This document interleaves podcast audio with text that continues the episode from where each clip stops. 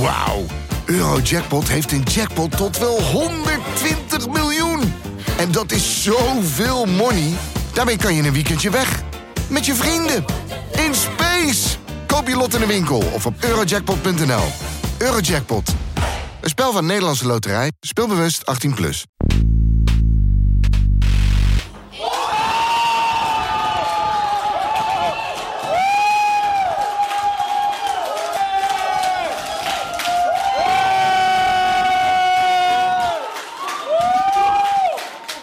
Gebeurde daarboven? Nou, ik eh, besloot op tafel te klimmen. En Dat was spontaan. Uiteraard. Het is een moment van ontlading. Ik denk ook opluchting. eh, blijdschap dat je de erkenning krijgt voor waar je voor hebt gestreden. Dit is Betrouwbare Bronnen met Jaap Jansen.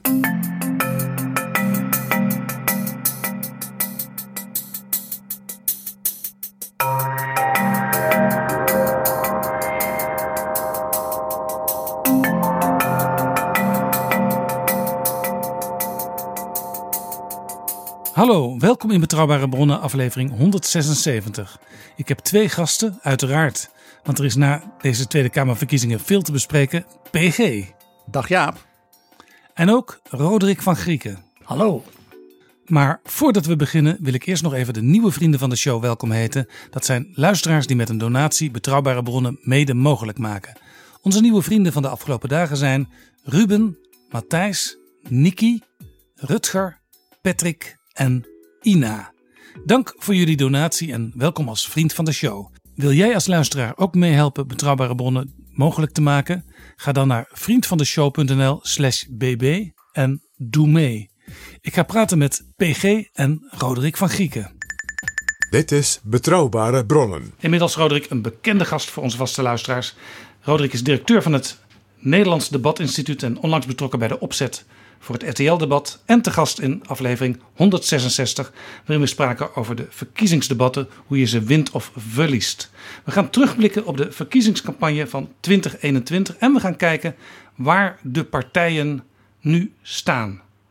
Voor de luisteraars die nog niets weten, of als je pas jaren na 2021 deze aflevering beluistert. De verkiezingen van 2021 eh, die leverden kleine winst op voor de grootste partij, de VVD, van 33 naar 35. D66 ging voor heel veel mensen onverwacht van 19 naar 24 zetels. En toen kwamen er een heleboel partijen die eh, stabiel bleven of verloren. Eh, De PVV ging van 20 naar 17, het CDA van 19 naar 15. Partij van de Arbeid bleef op 9 staan, de SP van 14 naar 9. Vorm voor Democratie steeg van 2 naar 8. GroenLinks zakte van 14 naar 7. Partij voor de Dieren van 5 naar 6. ChristenUnie stabiel op 5. Nieuw in de Kamer Ja 21 met 4 zetels. Volt met 3 zetels. Gevolgd door de SGP stabiel op 3. Denk van 3 naar 2. 50 plus bleef nog met één zetel over in de Kamer, had er vier. En ook nog twee nieuwe partijen, de Boer-Burgerbeweging en Bijeen, allebei met één zetel.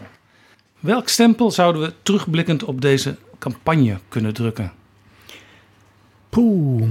Ik zou zeggen een campagne waarover heel veel is gesproken, maar waar weinig van is blijven hangen. Ja, het was noodgedwongen meer dan in voorgaande jaren een mediacampagne. We zagen de lijsttrekkers, ook van de kleinere partijen, elke dag echt in elke talkshow, eh, op elke radiozender, in podcasts kwamen ze ook langs, in de kranten uiteraard. Het was ook de campagne die natuurlijk begon vanuit een jaar lang eigenlijk alleen maar eh, coronadebatten in de Tweede Kamer. Ja, we hebben natuurlijk eigenlijk een, een, een jaar lang eigenlijk over niets anders gesproken dan corona. Ik vond dat op zich in de campagne wel andere onderwerpen aan bod kwamen op zich. Het is niet zo dat we de hele campagne over corona hebben gesproken. Integendeel. Maar het is niet blijven hangen. Het is niet, ik, als je mij nu zou vragen van nou noem nou eens de vier inhoudelijke thema's waar we eens even goed op gekoud hebben. Ik zou het niet kunnen. Nee, Jesse Klaver die zei een jaar geleden... dit worden de klimaatverkiezingen, maar dat is er niet van gekomen. De, Nee. val, de val van het kabinet over een van de meest dramatische zeg maar, falen van het hele overheidsbestuur. En ook zelfs van zeg maar, de fundamentele opdracht van de overheid naar burgers. Nou, de naam Erik Wiebes is in de campagne nauwelijks gevallen. Nee, de toeslagenaffaire is te weinig aan de orde gekomen, zei Maarten Heijink van de SP in een terugblik in Nieuwsport op de ochtend na de verkiezingen. Uh, de partijen waarvan van de twee Kamerleden lid zijn die de toeslagenaffaire ja, tot een hoogtepunt hebben gebracht. Uh, CDA van Pieter Omtzigt en de SP van Leijten, die hebben allebei verloren. Misschien staat dat daar dan wel symbool voor dat iedereen zich realiseert en ook vond dat er iets vreselijks gebeurd is. Maar ja, we zijn nu even met iets belangrijkers bezig. Ik denk dat dat een beetje het gevoel is geweest en dat het daardoor ook niet, ook iedere keer als Rutte erop werd aangevallen, dan was dat heel even nieuws. Maar dan gingen we toch maar weer door. Ik vond een hele interessante observatie die mij werd toegestuurd vanuit het noorden van het land. Waar een journalist van zeg maar, een van de bladen daar de cijfers van de uitslag bekeek in het hele hele grote fusiegemeenten van het aardbevingsgebied. Daar had Forum, dat voor pompen is, enorm gewonnen. En de VVD, de partij van Erik Wiebes, had daar een echte mooie uitslag. En de SP was daar ongeveer gehalveerd. De CDA had ook geen geweldige uitslag, ook daar niet. De P van de A had het niet geweldig gedaan. En die journalist had gezegd, blijkbaar vinden de kiezers in het aardbevingsgebied dat er andere onderwerpen nu belangrijker waren. Dat vond ik een observatie van ik dacht, wauw, dat, is, dat zegt ook iets over een hele serie andere onderwerpen. Heb jij iets gehoord over bijvoorbeeld de salarissen voor de mensen in de zorg moeten met 10% omhoog? Of die in het onderwijs moeten 10% omhoog? Ik niet. Nee, het zal vast een keer ergens genoemd zijn, maar we hebben het gewoon niet geregistreerd. Het is niet blijven hangen. Dus het, bijzondere, dat vind ik retorisch ook wel weer interessant, dat terwijl corona in die campagne eigenlijk maar heel weinig genoemd is, hing het daar toch de hele tijd boven. En waren al die andere onderwerpen, um, ja, we hebben het niet goed kunnen registreren of we waren er toch niet echt in geïnteresseerd. En, en misschien ook wel gestimuleerd doordat de meeste partijen het algemene beleid in zaken corona wel gesteund hebben het afgelopen jaar. De meeste oppositiepartijen ook. Zag je ook in de debatten op radio en televisie dat er niet een enorme clash was tussen de meeste partijen. Natuurlijk wel tussen Rutte en, en Wilders een aantal keren. Maar de meeste andere partijen hadden toch een soort houding ten opzichte van elkaar van ja, we willen eigenlijk potentieel met elkaar samenwerken, dus we elkaar niet te hard vallen. Maar ook Wilders en Rutte waren het, als het ging om de fundamenten van het coronabeleid, natuurlijk gewoon eens. Ja, nee, maar ik bedoel... Wilders was op dat punt uh, op rechts natuurlijk de opponent van Baudet. Ja, nee, er was eigenlijk maar één partij die echt uh, fundamenteel anders dacht. Dat was de partij van Baudet. Die heeft er zelfs de hele verkiezingscampagne met een karavaan door het land opgebouwd. Nou, er waren er nog wel een paar. Er was, Willem Engel had er geloof ik zelfs twee partijen die die opgericht had en verwoest. Ja, maar die dus, hebben allemaal geen zes. Maar die, maar die, die zijn allemaal ja. weg. Ja. ja. Dingen. Nee, iemand, ik, ik hoorde uh, op de dag na de verkiezingen ook iemand zeggen uh, wat gek eigenlijk dat er geen partij is geweest die aan de andere kant is gaan zitten. En die eigenlijk, uh, zeg maar, de ideeën van het Red Team heeft overgenomen. Het Red Team, wat altijd het Outbreak Management Team kritisch bekeek en zei: ja, we moeten eigenlijk nog een veel zwaardere lockdown ingaan. Toen moest ik even denken aan de man die in deze hele campagne ontbrak. Uh, Lodewijk Asscher. Want die heeft in het begin van de coronacrisis nog wel eens met dat Red Team overlegd en ook wel Kamervragen daarop gebaseerd toen hij nog aan die Kamerdebatten deelnam. Jaap, ik kan mij nog iets herinneren. Namelijk dat het met name de heren Wilders en Baudet waren. Die tegen het kabinet zeiden, u bent een stelletje slapjaners. U moet veel hardere lockdown. Nederland moet helemaal dicht. Ja. Dan moet je ze natuurlijk maar niet meer aan herinneren. Nee, daarover zegt Baudet, wij wisten toen nog niet wat er aan de hand was. Ja. Dat heeft hij, uh, en daar heeft hij best ook toch een goed verhaal gemaakt. Dat hij zei, ja, toen was het volledig onbekend. Het was, we werden een, een, ja, een soort buitenaards iets aangevallen. Nou, dan moet je even hard op de rem. Ja. Maar ja, inmiddels weten we dat het een griep is. En dan komt die, dat hele verhaal. Ja. En, Roderick, ik zei al dat het een, een, vooral een mediacampagne is geweest. We hebben natuurlijk de harde interviews bij Nieuwsuur gezien. Uh, uh, we zagen inhoudelijke debatten bij Jeroen Pauw. Dat ging eigenlijk van een, een hard debat tussen Rutte en Wilders tot een vriendelijk gesprek uh, tussen Lilian Ploemen van de Partij van de Arbeid en Sigrid Kaag van D66. Uh, ik keek zelf ook graag s'avonds naar uh, Jinek, die een goed format had in samenwerking met RTL Nieuws, waarin heel veel informatie aan de orde kwam. Alle kranten die hebben nu ook politieke podcasts gehad in deze campagne. Ik ben benieuwd in hoeverre ze daar de komende tijd uh, mee doorgaan. Wil ik eentje noemen, die ik zelf heel interessant vond. Spindokters met Julia Wouters en uh, Jack de Vries bij de Evangelische Omroep. Julia Wouters, al eens te gast geweest in Betrouwbare Bronnen. Uh, de oud-politiek assistent van Lodewijk Asscher, die ik net al noemde. Met een Jack... profetisch boek over hoe maken we vrouwen in de Haagse politiek relevant. Ja, zij zat in menig opzicht uh, te, te, glimmen eigenlijk de, de afgelopen dagen over... Ja, hoewel haar eigen partij het niet goed heeft gedaan, stabiel op het hele lage niveau voor de Partij van de Arbeid van negen zetels. Maar toch, uh, de aandacht voor vrouwen in de politiek is wel heel groot geweest. En, en, en zij zat steeds daar aan tafel met uh, Jack de Vries, die natuurlijk bij uh, Jan-Peter Balken, de, CDA-premier, altijd een rol heeft gespeeld in campagnes. Aan jou wil ik de vraag stellen, Roderick, want jij bent ook betrokken geweest bij bij het, eigenlijk het eerste debat wat plaatsvond op televisie, het RTL-debat. Wat is de invloed geweest van die debatten, denk jij, in deze campagne? Ik denk heel groot. En uh, ongeacht of dat nou het debat is waar ik toevallig bij betrokken was. Ik, ik heb de, altijd de overtuiging dat die eerste verkiezingsdebatten in een campagne. die hebben echt een drukken een hele grote stempel erop. Want het draait toch voor een deel zo'n campagne om de poppetjes, om de mensen. Een verkiezingsdebat tussen zes of acht partijen biedt niet de ruimte om nou eens heel inhoudelijk dingen te gaan bespreken. Dus de kijker, en dat is een groot breed publiek, die kijken vooral van nou wat is er in de winkel, wat ligt er in de vitrine. Zijn het dan wel debatten? Als je het eigenlijk niet over de inhoud kunt hebben? Ja, zeker wel. Er komt wel inhoud aan bod, maar niet zoveel als tijdens een interview. Dat kan ook niet, want je hebt anderhalf uur, je hebt zes of acht partijen. Dus ja, je hebt per partij maar een paar minuten spreektijd. En dan zie je, en dat zag je ook in deze campagne. Aan het begin was toch iedereen vooral naar Wopke Hoekstra aan het kijken. Van nou, dat zou moeten worden. En dan nou heel misschien Kaag. Maar die idee, dat ging toch niet zo lekker. Ja, Wopke Hoekstra, CDA, Kaag, D66. Ja, en dan heb je dat, eerst dat Radio 1 debat. Um, nou, deed Wopke Hoekstra het best aardig. Maar Kaag viel één of twee keer op. Um, wat ze deed beter dan dat we verwacht hadden. Dan komt daarna komt dat RTL-debat. Uh, daar valt Wopke Hoekstra ook weer een klein beetje tegen. Niet heel erg tegen, maar wel een klein beetje. En Kaag heeft daar een mooi moment tegenover Wilders en doet het best aardig. Ja, en dan ontstaat er iets dat mensen gaan zeggen van... hé, hey, die Kaag, dat gaat toch best wel aardig. En die Hoekstra, hmm, tot nu toe zit het er nog niet helemaal in. Ja. En dat, het echt een, de verkiezingsdebatten zijn de hartslag van een campagne. Dus je gaat van debat naar debat. En met name die eerste debatten, als je daar het stempel krijgt, het gaat lekker...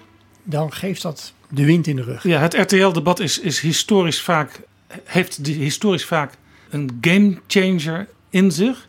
We hebben in onze aflevering over de verkiezingsdebatten besproken hoe Diederik Samsom na dat debat in 2012 ineens opkwam. Omdat Rutte en Roemer, die waren met elkaar in discussie geweest. En daar viel eigenlijk Roemer door de mand. En dat gaf daarna Samsom de kans om de plaats van Roemer in te nemen in de tweestrijd tussen links en rechts. Hier zat op het moment van het debat zelf geen duidelijke gamechanger in. Maar verhuld, misschien onder de radar, uh, bleek dit eigenlijk wel het begin van de opmars van Kaag te Ja. zijn. Maar ik, ik, eh, ik zou iedereen uitnodigen. Kijk ook nog eens terug naar 2012, dat, dat RTL-debat. Het was niet zo dat Roemer daar heel hard door de mand heen ging. En dat Diederik Samson daar werkelijk iets op de mat legde. waarvan je zegt: Nou, dit is echt werkelijk. Nou, de wereld is vandaag anders geworden. Dat gebeurt in Nederland zelden in dat type debat. Want je hebt maar een paar minuten, zoals je zelf net zei. Gaat heel, ja, het, gaat, het moet allemaal kort, moet snel. Dat is overigens ook in het buitenland is dat zo. Maar de, ehm, ja, de teneur wordt wel anders. En het, het, als, Is het niet toch vooral ook, want dat vond ik zo leuk dat jij zei van, nou ja, die Kaag, het is vooral ook het verwachtingenmanagement. Men had niet zoveel van haar verwacht. Een beetje een Ja. eh, elitaire mevrouw uit het buitenland. En ze bleek gewoon Nederlands te kunnen. Niet alleen maar Arabisch of zo. En, en, en, en, en Frans, diplomaten Frans. En, en, en ook bij Roemer, eh, het was vooral de verwachting dat hij toch wel een beetje iets wist over sociale dingen. En toen bleek hij. eh, hè, ja, maar het zit ook bij de. dus verwachtingmanagement vooral ten aanzien Ja. van wat men denkt dat er zou En, gebeuren. en dit gold omgekeerd ook voor uh, Wopke Hoekstra, Hoekstra, bij wie de verwanningen bij wie de verwachtingen hoog gespannen waren in zijn eigen partij en eigenlijk ook al bij de buitenwacht. Ja, en dat heb je eigenlijk eh, alleen maar te verliezen op dat moment. Dan, dan ligt de lat extra, extra hoog. En, en nogmaals, het was echt niet zo dat Kaag het fantastisch deed en Hoekstra heel slecht. Het was een nuanceverschil. Eh, ze stonden er allebei voor het eerst. Bij allebei zag je echt overgeconcentreerdheid, kon ik zien. Eh, dus zeer gefocust ehm, daaraan het debatteren. Alleen, ja, Kaag had ook even het voordeel dat ze tegen Wilders kon uitvallen. Ja, laten we even luisteren ook naar Kaag tegenover Wilders in dat RTL-debat. Ik wil wel hier vanavond gezegd hebben dat de eerste persoon van kleur die ik zou willen verdedigen Zwarte Piet is. En dan komt u weer met die zielige zwarte piet van u. Ik vind het schandalig als terwijl we het moeten hebben over racisme en uitsluiting. En u doet daar aan. keihard aan mee. Dit voorbeeld is interessant, want in de geschiedenis eh, heeft D66 natuurlijk onder leiding van Alexander Pechtold, toen hij de nieuwe leider werd, eh, ook gebruik gemaakt van die tegenstelling met Wilders. En Pechtold werd in Kamerdebatten, kan ik mij herinneren, altijd sterker als hij tegen werd gesproken, als hij tegengas kreeg. En dat vond ik nu bij Kaag eigenlijk ook. Zij moest natuurlijk iets stevigs terugzeggen en dat bleek ze te kunnen. Ja, en vergeet niet dat er ook mensen voor haar zijn geweest die zeg maar door, laten we dan maar Wilders even met de grote gorilla op de rots vergelijken. Als die de debatarena intrapt, instapt, dan weet je nou nu, nu gaat het gebeuren. En ik kan mij Job Cohen herinneren, ik kan mij ook Roemer herinneren, ik kan me er meerdere herinneren waar gewoon je het ongemak zag en dat ze toch overdonderd werden. En hier stond opeens die keurige mevrouw. En die liet zich niet de kaas van het brood eten. En los van wat er nou inhoudelijk is gezegd, in het beeld zag je opeens, nou, dat doet ze toch maar eventjes. Nou, ik wil daar nog iets bij zeggen. Wat Kaag daarbij deed, is vanuit het oogpunt van retoriek en bijvoorbeeld het goed voorbereiden van hoe, wat voor soort verhaal ga ik houden, was heel riskant. Want wat deed zij? Zij stapte in het debatframe van de heer Wilders. Ze zei: Jij wil het over Zwarte Piet hebben, dan gaan we het over Zwarte Piet hebben. Ja, u met En uw schon, wenn schon, denn schon, zoals de Duitsers dan zo mooi zeggen. En dat is uitermate gevaarlijk. Want als je dus in de taal, het idioom, en ik zal maar zeggen, de, de, de, de, het, de beelden van de opponent mee gaat praten, dan kun je dus ongelooflijk op je pek gaan. Ja, en hier werd zij dan mogelijk gered doordat de tijd weer om was in dat debatrondje. Ja, maar het feit dat ze het deed, ja, en op een manier die stijlvol was, ze ging dus niet schreeuwen, kick-out Zwarte Piet of iets dergelijks. Eh daar had men zoiets van, nou, ze zelf wel niet bang. Ja, en zat ik bij dat Radio 1 debat. Toen kwam Geert Wilders met zijn eh, hilarische kaagbaan grap. Van hè, u, u ontzegt al die mensen die, eh, die naar, eh, naar Torremolinos willen vliegen. Dat mag van u niet meer. Die moeten extra gaan betalen. Naar Turkije toch? En, of het naar Turkije of waar het ook maar naartoe is. Eh, en u vliegt zelf vier keer de hele wereld rond. Nou, die kaartman kan er u van noemen. Nou, natuurlijk hartstikke knap weer bedacht. Heel grappig, slaat in. Ehm, maar ook daar ging zij er best goed mee om. Ja, Door- en hier hielp Wilders Kaag op zijn beurt, want hij zette in feite Kaag op de kaart. De naam Kaag werd ineens een huishoudmerk vanaf dat moment. Nou, hier zag je grappig genoeg. Ik ga iets heel gek zeggen. Hij deed eigenlijk hetzelfde wat ik net zei, wat zij durfde. Hij ging in op het imago van mevrouw Kaag. Dat is een werelddiplomaat, die reist de wereld rond. Die spreekt al die talen. Dus zeg maar de, hè, de zus van Frans Timmermans. Eh, en, en wat hij dus daarmee bevestigde was dat ze dat deed. En dat ze daar blijkbaar zo goed in is dat je het vliegveld nader noemt. Ja, Ja, Ja, nou dat is. ja, maar dat, ja. het grappige is, hij bevestigde dus haar, zeg maar, de- het pluspunt van haar imago in de, in de zin van haar politieke ja, professionaliteit. en het voordeel is voor beiden dat hun electoraten elkaar niet overlappen. Dus ze kunnen allebei plussen op zo'n moment. Ja, maar dat, dat, dat is helemaal waar. Maar het gaat er ook om hoe eh, andere partijen die zeg maar in dat hele linkse blok, die zoals het er dan uiteindelijk uit is gekomen, nu toch voor een deel op D66 hebben gestemd, die zijn ook een beetje op zoek naar wie is daar nou een leider in die hoek en wie kan die Wilders aan. Dus ze zit niet alleen haar eigen vijvertje te bevestigen, maar ook ja, de, de grotere vijver die er omheen zit, wordt ze ook opeens aantrekkelijk voor. Want iedereen was natuurlijk in die, in die linkerflank aan het zoeken. Nou ja, wie is nou de leider aan die kant? En wie is nou degene waarvan ik denk, nou, die dicht ik het toe dat die eh, het land op links De- een beetje verder kan brengen. De linkerzijde was vooral op zoek naar zichzelf. Want de leiders aan de linkerzijde waren alle, allemaal of net aangetreden. Of eh, de dochter van. Eh, dus ja, daar, Ja. daar was In niet soort- opzichten, hè? De, de dochter van de melkboer en de dochter van Jan. J- j- jij, jij voelt hem. En, en, en de winkeldochter van GroenLinks. En, dus, dus er was niet een soort natuurlijke. eh, wat Asscher dus als oud vicepremier en dit en dit wel had. Een soort natuurlijke positie. Ja. En in dat opzicht was er dus een vacuüm aan die hele kant. Want ook Rob Jetten werd niet de lijsttrekker van D66. Ja. Dus er was een vacuüm in dat kant. En het was dus de vraag, eh, wie gaat die vullen? Ja, overigens zijn nu de eerste reacties hè, dat heel veel zeg maar echte linkse stemmers nu echt kwaad zijn op al die mensen die op D66 hebben gestemd. Die zeggen, luister eens even, als u heeft gedacht, we gaan links een stukje verder helpen. Dan heeft u toch echt verkeerd gedaan, want die mevrouw Kaag, die is helemaal niet links. Dus Nee, nee, maar solidariteit en links, dat heeft elkaar zelden ontmoet onderling. dat is zeker waar.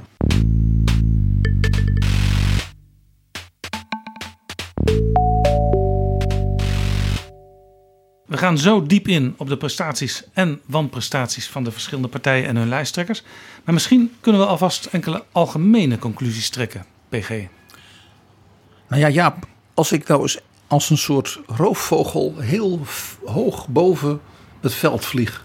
En kijken welke muizen, dan wel kleine vogeltjes er gevangen zijn. Als het mag van Esther Ouwehand, dan zullen we dat zo doen. Nederland is op 17 maart 2021 Italië geworden. Het Paesi Bassi aan de Waal. Want kijk nou naar hoe dat parlement van Nederland er nu uitziet in het licht van zeg maar, onze politieke en parlementaire historie. De grote partijen die tientallen jaren dominant zijn geweest, die zijn klein geworden. En de zaak is nog veel meer verbrokkeld. Er zijn nog weer nieuwe kleine partijtjes toegetreden tot de Tweede Kamer. En wat je in Italië had in de naoorlogse jaren, dat je dus twee grote, uit verschillende, zoals ze zo noemen, de correnti, de stromingen bestaande blokkenpartijen. De communisten, heel groot in Italië, dat was echt links en heel links. Arbeiders, vakbonden en dergelijke. Ook ambtenaren, intellectuelen. En de christendemocraten, dat wa- was het, het gelovig platteland. De burgerij en zeg maar de meer klassieke conservatieven. En daar had je dan wat kleinere, een kleine liberale, een partij voor de mensen van Sardinië, en een kleine sociaal-democratische partij. En dat was het. En Italië heeft door de geschiedenis van dat land, waar we het vast een keer over gaan hebben in Betrouwbare Bronnen, natuurlijk meegemaakt dat die grote samenvoegsels van die correnti, die stromingen, die twee blokken, midden-rechts en links, dat die uit elkaar gespat zijn. En kijk je dus naar het parlement in Italië. Nou, we hebben heel onlangs natuurlijk weer daarna kunnen kijken hoe men daar Mario Draghi tot premier maakte. In feite de president die dat gewoon oplegde aan al die partijen die maar met elkaar aan het rommelen waren. Zo ziet Nederland er ook een beetje uit. Ja, Nederland heeft altijd natuurlijk heel lang de Christen-Democraten die, die vaak rond de 50 zetels scoorden. En de Sociaaldemocraten die ook vaak rond de 50 zetels scoorden. De grootste partij bij deze verkiezingen, de VVD, is nu kleiner dan zij was in 1982. En toen was zij de coalitiepartner van de grote Christendemocraten. En waren ze iets van de derde partij. Ja, Ed Nijpels was En in nu, dat is dat jaar... en nu is het dus Ja. de grootste partij. En die heeft dus een gat van iets van elf zetels naar de nummer twee. Ed Nijpels was in 1982 de lijsttrekker van de VVD. Hij scoorde 36 zetels. Hij was de jonge nieuwe leider, opvolger van Hans Wiegel. Dus hij kon in feite zeg maar, het enthousiasme wat er altijd geweest was over Hans Wiegel... en nu over die jonge nieuwe leider kon hij verzilveren in die 36 zetels. Later kwam Frits Bolkestein nog een keer als lijsttrekker. Die En kreeg, die kreeg er 38, 38. zetels. En uiteindelijk Mark Rutte in 2012 41 zetels. En nu dus volgens de voorlopige uitslag 35 zetels. En dan zeg ik, de grootste partij komt dus niet eens in de buurt van de uitslag van zowel Frits Bolkestein als van Mark Rutte zelf. ja. Dan, dus- dan, dan kun je het echt wel Italië noemen. Ja. En wat je dus ziet is dat, zoals in Italië, dat het effect is van wat ik maar noem middelpuntvliedende krachten. Het spat een beetje alle kanten op. Niet die, zozeer die partijen als wel de kiezersbewegingen, dus de burgerij, zal ik maar zeggen. Men gaat ook naar allerlei deelbelangenclubs. En wat je eigenlijk ziet, als je het wat zwaar wil formuleren, dat het land is wat, je wat losgeslagen van zijn klassieke ankers van de samenleving en de politieke cultuur. Dus die krachtige sociaaldemocratie met zijn grote traditie. De christendemocratie die in Nederland ook uit confessionele partijen bestond. Hè, 140 jaar oude ARP en later dat CDA als fusie. Dan natuurlijk de burgerlijk-liberalen met hun krachtige positie uit de 19e eeuw. Hè, de, de, de jaren van Thorbecke. Nou, die drie ankers die zijn losgeslagen in Nederland. En je ziet er dus nog iets omheen komen. Dat zogenaamde antipartijen, wat je in Italië ook altijd had. Die komen op en zijn ook weer weg. En dat, dat is straffeloos. Er wordt niet gezegd, ja, dat gaan we dus nooit meer doen. Nee hoor, maar er komt weer een nieuwe. Wat je ook ziet is wat ik noem sectorale en regionale blokkadepartijen. Dus partijen die zeggen, ik kom om deze belangengroep gewoon eh, een megafoon te geven Ja. De boer-burgerbeweging. ombudspolitiek. Of het nou voor dieren is, voor Osmaanse nationalisten, voor bejaarden. Wat je in Frankrijk zo mooi hebt, de partie chasse et pêche. Voor jagers en vissers. Prachtig. Nou, eh, maar dat zijn dus se- segmentenpartijen die dus ook helemaal niet de bedoeling hebben als het ware een soort nationale boodschap te hebben. Nou, en die zie je dus van alle kanten. En dan is er iets spijt me Jaap, ik moet heel even naar de grote Duitse denkers over de politiek. Naar Max Weber, die altijd zei: Je hebt dus legitiemer herschaft, je hebt de gewaltsherschaft, je hebt dan de traditionele familienherschaft, dus dynastieke feodaal. En je hebt wat hij noemde personenverband. En dat was charismatischer herschaft. Dus een persoon rond wie zich allerlei mensen, groeperingen, belangen ordenen. Om reden van die persoon. Dat is zeg maar Wilders en Baudet. Kun je, kun je daar Fortuyn. onderscharen. Rita Verdonk. Eh, dat, die lijst is veel langer dan je denkt. Henk Krol. Hoeveel partijen heeft hij inmiddels niet gehad? Maar het was als onze Henkie. Ja. En dan was hij voor de homo's en dan voor de bejaarden. En nu was hij weer voor Henk zelf. En je werd gefeliciteerd met je verjaardag op Facebook. Maar het was de persoon rond wie zich dat ordent. En die, zeg maar, dus die Weberiaanse charismatische politiek is dus in Nederland echt iets nieuws. En ook daar zie je dus partijen opkomen en weer verdwijnen. En dan soms weer terugkomen. De, de, de Forum voor Democratie is in staat om in één parlementaire periode dat drie keer te doen. Zichzelf te vernietigen en dan weer herop te richten. Dat is typisch, dus onderdeel van wat eh, eh, Weber, Max Weber zo mooi noemt, charismatische herschaft. En dat kennen wij natuurlijk. Het oermodel in Europa is Italië, is natuurlijk Silvio Berlusconi. En zijn leerling was natuurlijk Donald Trump. En Pim Fortuyn, die hem ook zeer bewonderde, zoals we weten. Ja. Nou, dan heb je nog wat ik noem de ruïnes, restanten van dus die grote klassieke machines. Dat geldt voor het CDA, dat geldt voor de Partij van de Arbeid, dat geldt in zekere zin voor GroenLinks, hè, van de oude linkse partijen, inclusief de CPN. Dat geldt ook voor de VVD, hè, kleiner dan, hè, heel groot zogenaamd, maar kleiner dan Nijpels. ja. En je ziet nog iets in Italië gebeuren. Dat hebben we in Nederland nog niet gezien, maar je- ik zie een patroon. Je ziet in Italië dat het vormen van kabinetten dus bijna onmogelijk werd. Dat was in de hele naoorlogse periode al zo. Je hadden wel 50 regeringen. En dan kwam al de meneer Van Fani weer Ja. met een Andreotti. En dan werd hij weer premier. In een half jaar was hij weer Een weg. regering zat inderdaad minder dan een jaar gemiddeld. En met het uit elkaar vallen van die grote apparaten, zoals we dus in Nederland nu ook zien, werd dat dus nog ingewikkelder. Wat zag je dan gebeuren? Als dan de crisis economisch of bijvoorbeeld door maffia-aanslagen en dergelijke in het land niet meer te handhaven was, dan greep de president in, zoals onlangs president Mattarella. En die dwong dan vaak met hulp van de polder het bedrijfsleven en ja, de, Euro, de, EU. En dan ging men bij elkaar zitten met 105, 150 man. En dan besloot men dat Mario Monti maar premier moest worden en Silvio Berlusconi weg moest. Zo is ook die professor Conte uit het niets was een professor, zonder partij, door die vijf eh, sterrenbeweging toen premier gemaakt van een partij met Salvini, ja, de, de, de, nou ja, de, de xenofoben. En nu hebben we Mario Draghi. Wat je ziet, dat zijn dus premiers, eigenlijk zonder partij, die als een soort garant van de nationale eenheid, ja, met een soort hele brede steun, een tijdje de zaak bij elkaar moeten houden. En die zelf wel weten, nou na een half jaar begint de zaak natuurlijk al af te brokkelen en na een jaar ben ik waarschijnlijk wel weg. Dat hebben wij in Nederland dus nog niet. Nee. Die premierfiguur is natuurlijk in feite een soort plebiscit. Dat is een soort ja, referendum van het land door de president. U moet het doen. En dus ook wat nee-autoritair ook. Ja, ook niet voer, parlementair. voer voor complotdenkers ook. Hè? Want Die, zijn al, die hebben altijd voer. die zien dan ergens op het lijstje dat zo'n premier ooit eens een paar jaar voor Goldman Sachs heeft gewerkt. Of eh, in de Bilderberg-vergadering heeft gezeten. En, eh, ja. Ja, of bij meneer Schwab in Davos een keer een speech hield. Of nog erger, hij heeft bij een heel mooi charity ding iets geweldigs gedaan voor een, voor een democratiefonds betaald van, door meneer Soros. Oh, Ja. Even, even nog iets alles. anders. Hè? Want Maar je ziet dus dat dat wat versplinteren van Italië. eh, met dus als het ware ook het daardoor steeds moeilijker worden van.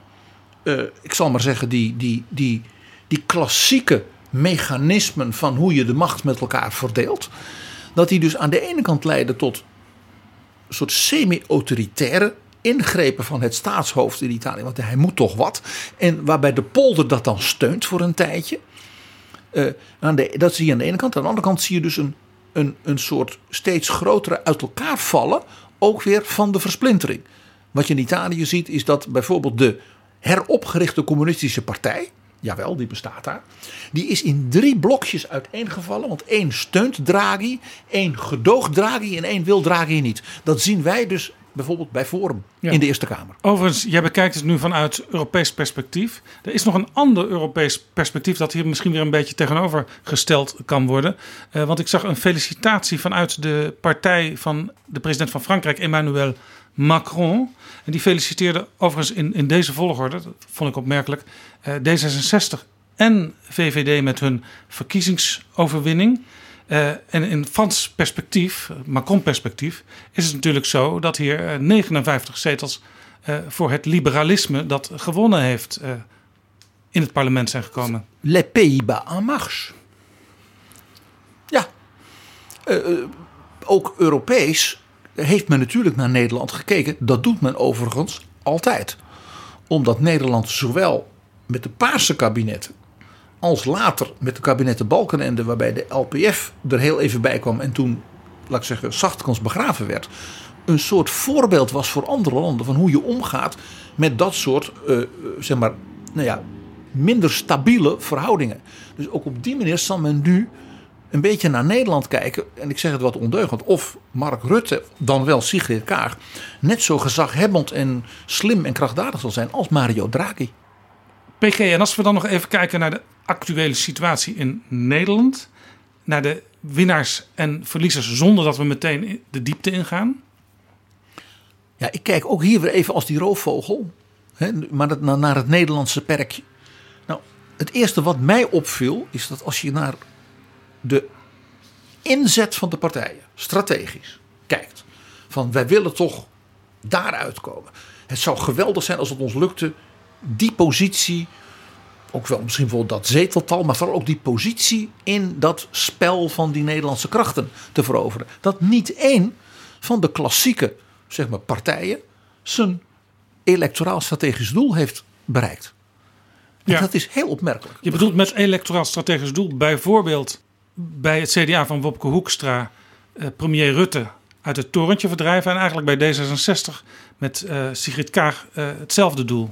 Nou, een zodanige positie, laat ik zeggen dat het mogelijk is om de VVD als het ware een beetje overbodig te maken, althans daarmee te kunnen dreigen. Maar de VVD heeft natuurlijk ook zijn electoraal strategische doel niet bereikt. En de PvdA en de linkerzijde natuurlijk nog minder. Nou, dat is dus het eerste observatie. Wat was het strategiche doel van de VVD?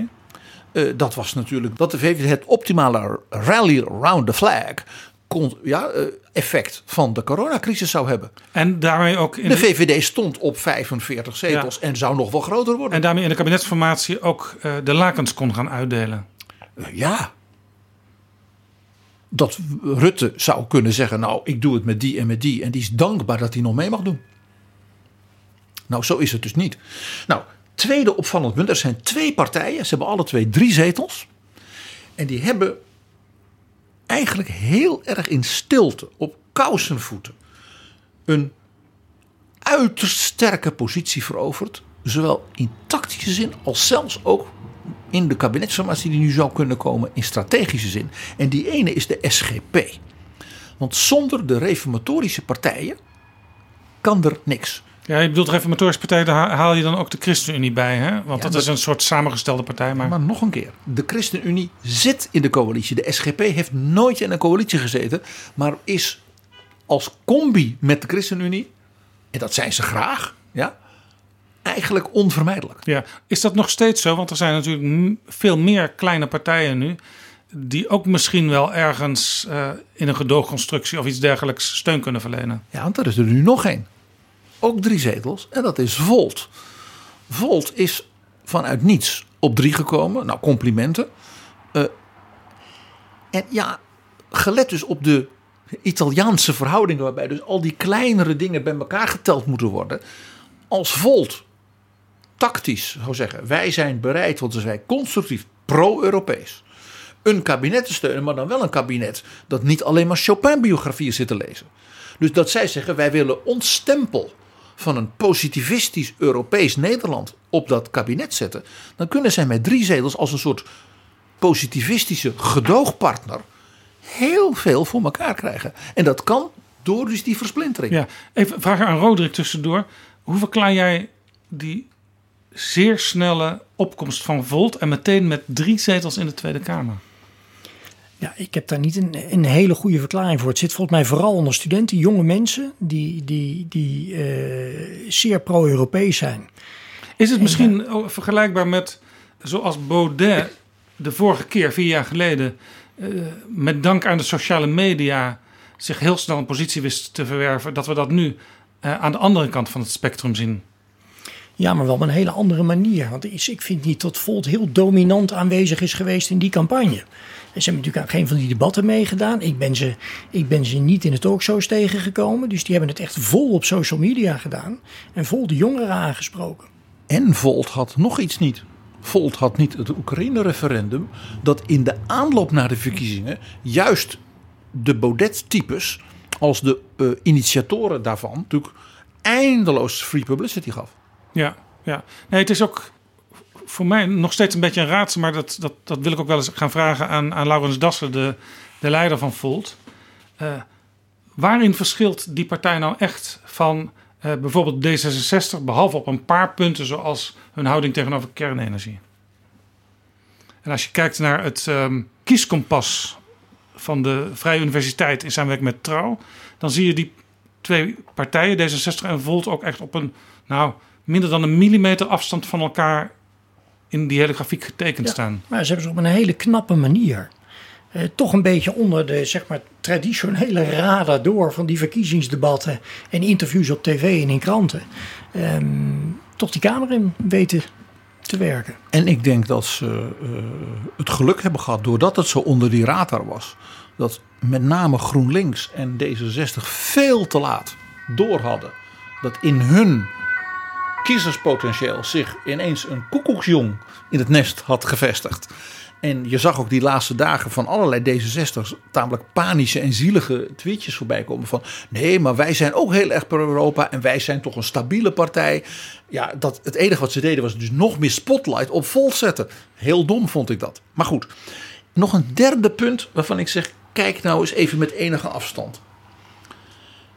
Ook weer, net als in Italië, als je kijkt waar is nou nog een krachtige soort bundeling van maatschappelijk gezag dan is dat zoals in Italië dus niet meer in de, de Tweede Kamer. Hè, met bijvoorbeeld twee, drie grote blokken die dan met elkaar knokken. Maar dan ook afspraken maken. En een van die twee gaat dan regeren met een ander. Nou, wat we dus in Nederland een eeuw hebben gehad. Dat zit in de polder. Want als je kijkt naar alle grote akkoorden van de voorbije jaren. Op grote punten. Energie, klimaat, pensioen. Nou, ik vergeet er vast nog een heel stel. Eh, dan zit dat bij eh Mariette Hamer en de SER. Dan zit dat bij eh, de grote organisaties. En veel minder in de Kamer. Dus je zult ook zien in de formatie, denk ik, dat dus mensen als Mariette Hamer, maar ook zo'n Kim Putters en zo, die komen langs en die komen met Sociaal en Cultureel Planbureau. die komen met nog veel meer gezag binnen dan voorheen hierdoor. Ja, want als het politieke landschap verbrokkeld is, dan moet je toch, om, om je balans enigszins te handhaven, moet je meer steun op andere plekken vinden. Ja, en dus ook meer continuïteit in dat gezag. Want dat is natuurlijk bij die versplintering ook het allemaal clubjes en eh, ja, eh, eh, geheugen heeft men niet zo heel erg meer, vaak ook nog. Dus dat zit dan vaak bij dat soort organisaties. Nou, en dan een vierde, en dat is een, denk ik een echte winnaar. En dat is eh, ja, Ursula von der Leyen. Dat de is voorzitter van de Europese Commissie Ja. noem je nu. de Europese Unie, dus Charles Michel, eh, mevrouw von der Leyen. Want ja, eh, de positie van Nederland als lastig, kritisch, Chopin-lezend, aanvoerder ook van de zeven dwergen ja, op het gebied van streng in de euro, is natuurlijk aanzienlijk verzwakt. En bijvoorbeeld met zo'n Volt.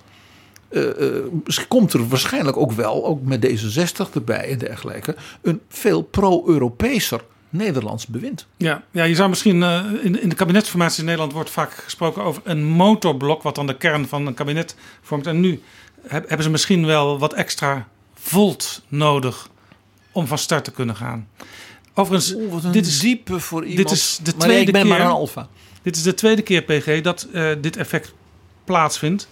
Eh, want twee jaar geleden, bij de Europese verkiezingen, met de overwinning van Frans Timmermans, zagen we eigenlijk ook al een soort pro-Europa-effect in de verkiezingsuitslag. We zagen nog iets.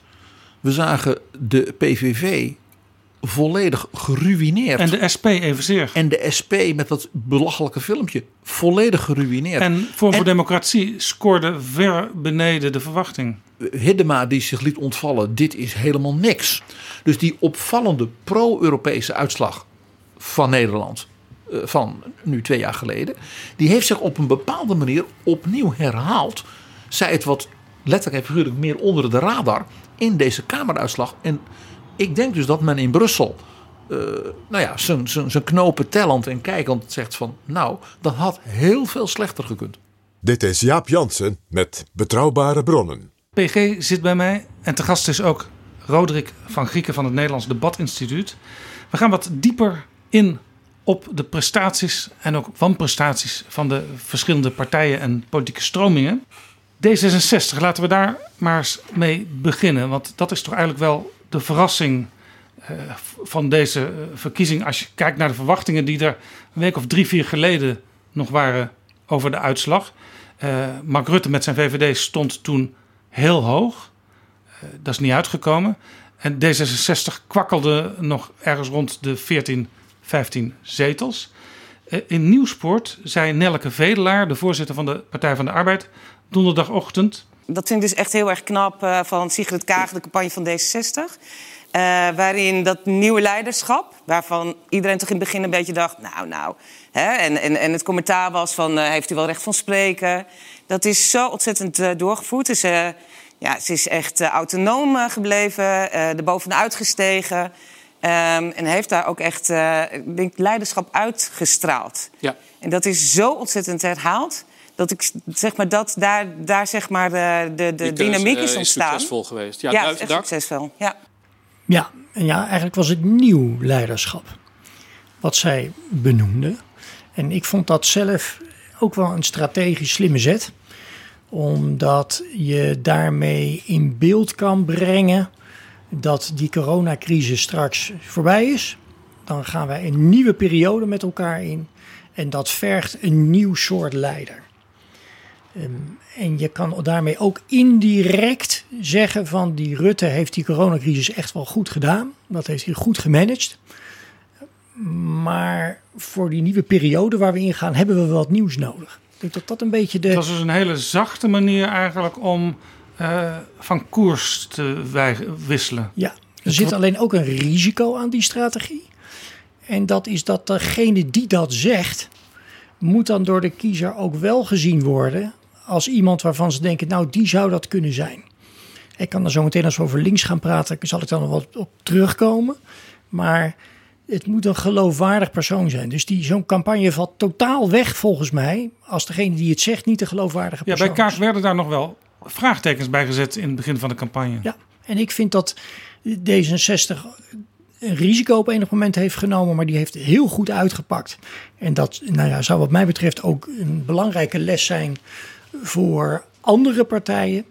En als je eenmaal jouw leider gekozen hebt, in dit geval was dat Sigrid Kaag, dan vind ik altijd dat zo'n politiek leider, die moet echt de vrije hand gaan krijgen. Dan moet je alles daaromheen gaan bouwen. En die leider moet zich perfect in zijn of haar vel voelen om maximaal zichzelf te zijn. Mag ik, een, mag opmerking maken? Mag ik hier een compliment uitdelen aan Rob Jetten? Die is de fractieleider en was aangewezen door de fractie en ook door Pechtold als zijn opvolger. Een jonge, dynamische vent die het uitstekend deed in kamerdebatten en wat dan niet. Die had heel goed kunnen zeggen: Jullie hebben me aangewezen, ik ga het doen. En het getuigt, vind ik, van karakter en ook van gezond, in mijn ogen altijd positief Machiavellisme.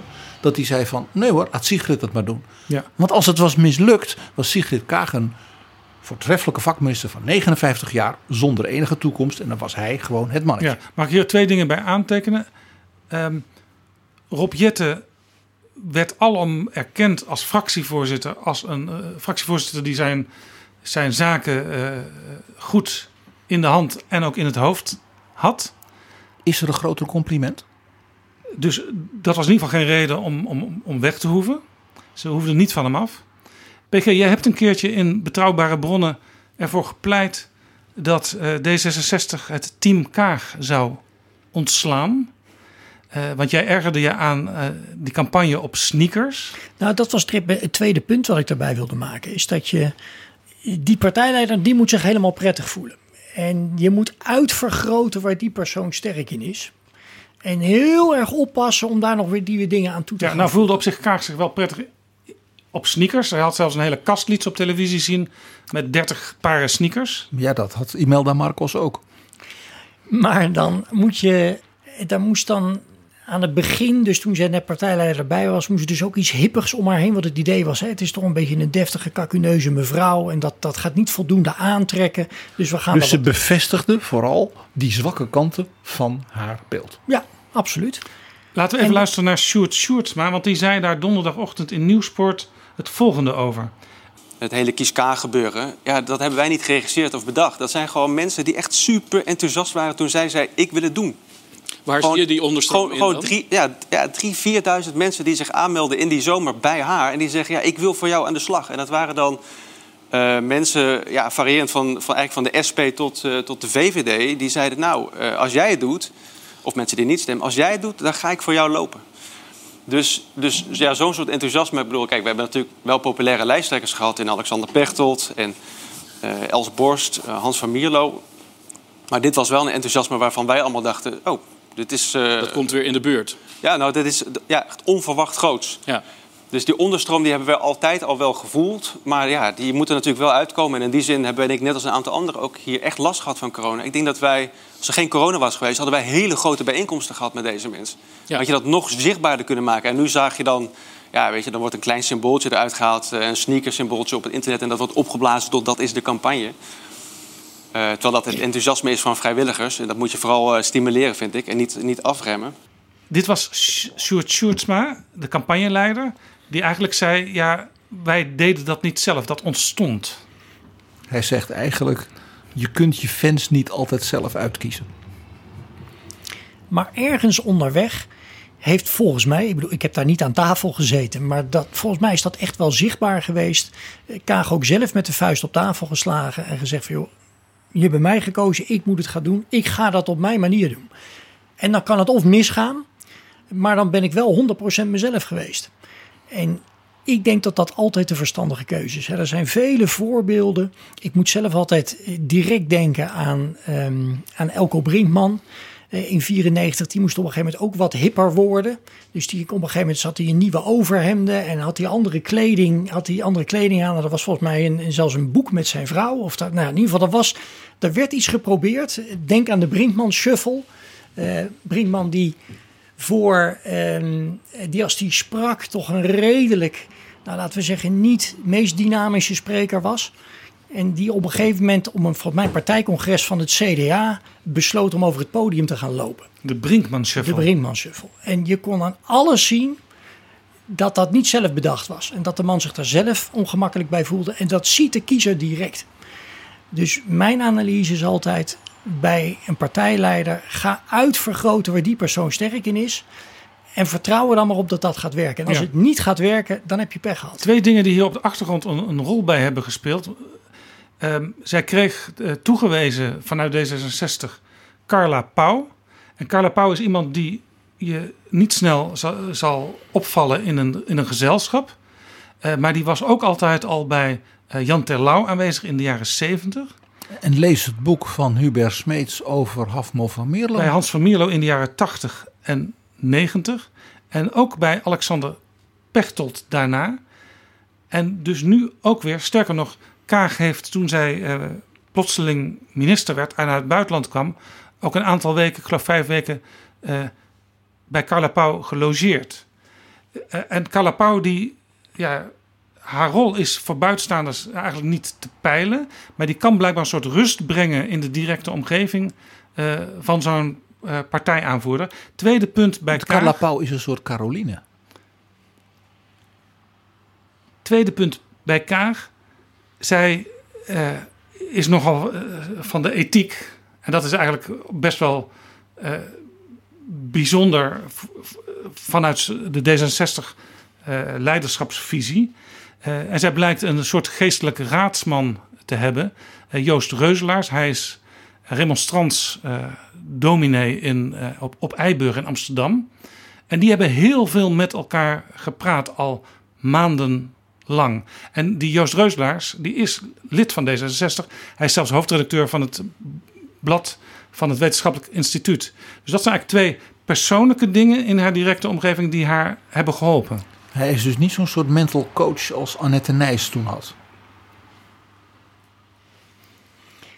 Nee, en ik denk dat, althans, dat kan ik niet beoordelen. Maar het, het, eh, mijn analyse is in ieder geval: laat, laat zo'n partijleider 100% zichzelf zijn. Vergroot dat uit.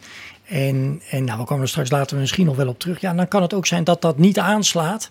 Ehm, maar dan heeft iemand wel zijn beste shot kunnen geven op te proberen die kiezer te overtuigen op zijn eigen wijze. Peggy Noonan, de legendarische speechschrijver van Ronald Reagan.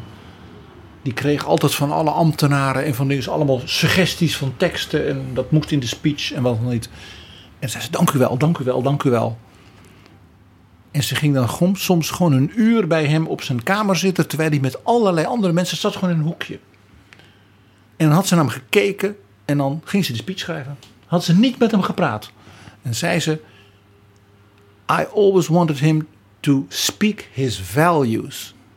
Because people know that is true, the people can tell. Dat is mooi wat jij zegt, dat ze eigenlijk alleen maar keek. Want haar boek ook over die periode heet ook What I Saw at the Revolution. En dat boek is een classic. Het is bovendien ontzettend leuk geschreven. Want ze kan geweldig schrijven. Ze schrijft nog altijd een prachtige column in de Wall Street Journal. Maar een paar van dit soort observaties was een hele jonge vrouw. eh, die dus keek in dat Witte Huis. En ze ook in dat boek vertelt op een bepaald moment dat ze zegt: Het aantal keer dat ik echt met Ronald Reagan heb gepraat, kan ik op mijn hand tellen. Maar dat was ook niet nodig. Nog even, Roderick. Eh, we hadden het al over eh, haar claim op leiderschap, nieuw leiderschap. Eh, Sigrid Kaag ging op een gegeven moment ook zo ver bij de introductie van haar kandidatuur voor het lijsttrekkerschap.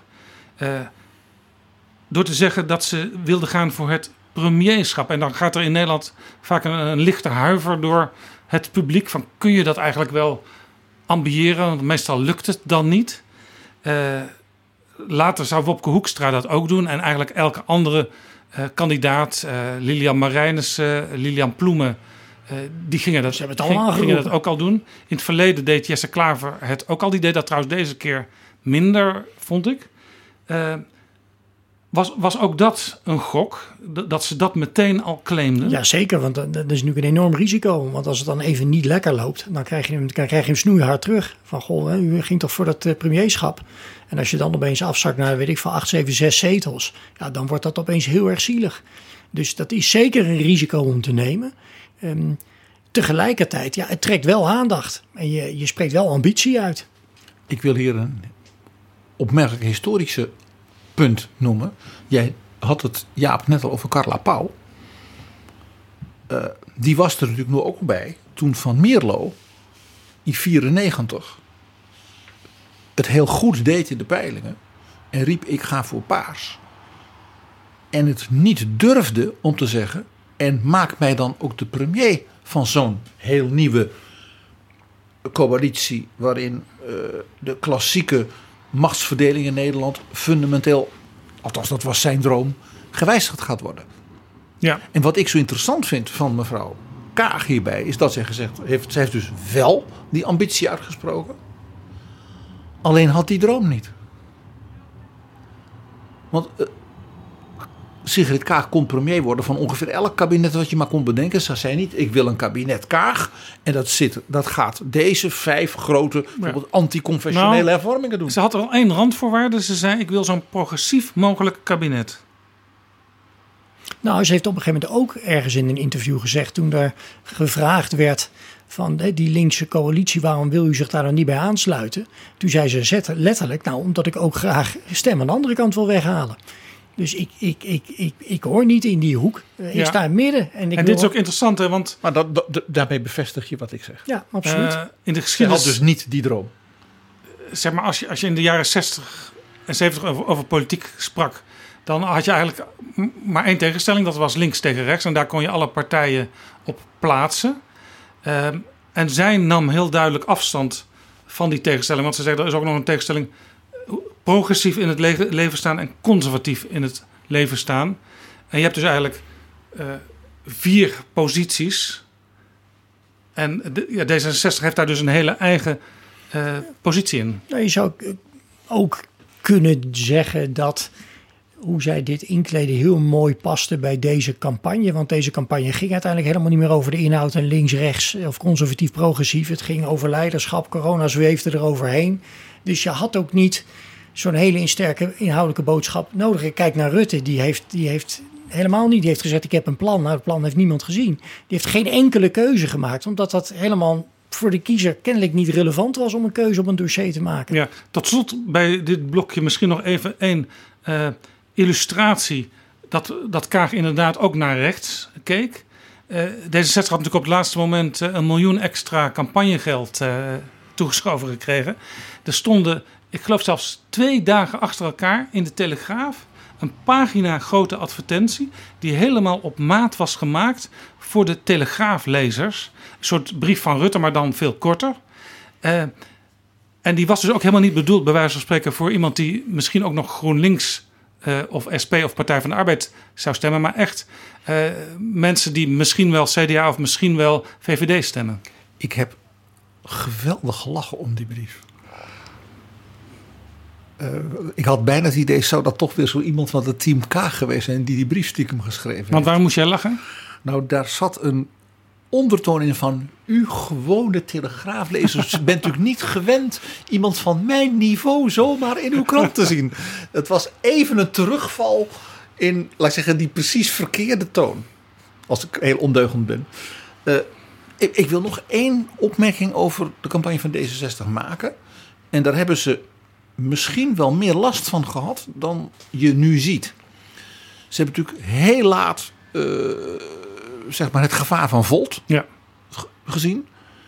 Eh, en als men daar een, zeg maar, een soort positief weerwoord op had gehad. Ik zou maar eens zeggen, je omarmt die kinderen en je, dood, je drukt ze dood aan je borst. Hè, dan hadden ze misschien wel die 27 en misschien wel 30 zetels kunnen halen. Eh, dus dus dat, is wel, dat vind ik wel een punt. En, en ja, Is dit misschien in het klein eh, waar de Partij van de Arbeid van Joop ten Uyl ooit geconfronteerd werd eh, met de komst van D66 in de jaren 60? nou, de komst van D66 was toen vooral een probleem van de VVD. En niet van de Partij van de Arbeid. Nou, ik, er is nog een ander punt. Kijk, wat lastig is bij de term nieuw leiderschap, is natuurlijk dat wat Kaag met deze uitslag eh, eh, eh, het Nederlandse volk natuurlijk in feite gaat cadeau doen, is heel oud leiderschap. Namelijk een vierde kabinet Rutte. En in dat opzicht, ik zei al, alle klassieke partijen, dus ook D66, hebben hun electoraal strategische doel gemist. Nee, dus ook Kaag loopt weer vast, zou je kunnen zeggen, in het Nederlandse kiesstelsel. Nee, ze heeft gewoon niet genoeg gewonnen. Ja, want in het Nederlandse kiesstelsel kun je bijna niet zoveel winnen. Eh, zeker niet met de huidige eh, stand van, van hoe de mensen in het leven staan. Ja, die versplintering raakt dus ook in dat geval D66. En ehm, hè, bijvoorbeeld zo'n bijeenpartij die dan net één zetel haalt. Dat gaat gewoon af van zeg maar, de restzetels die te verdelen zouden zijn aan de linkerzijde. En natuurlijk nog iets. eh, laten we niet vergeten. Eh, Kaag heeft dan nu 24 zetels. Dat is beduidend minder dan de eerste exit polls.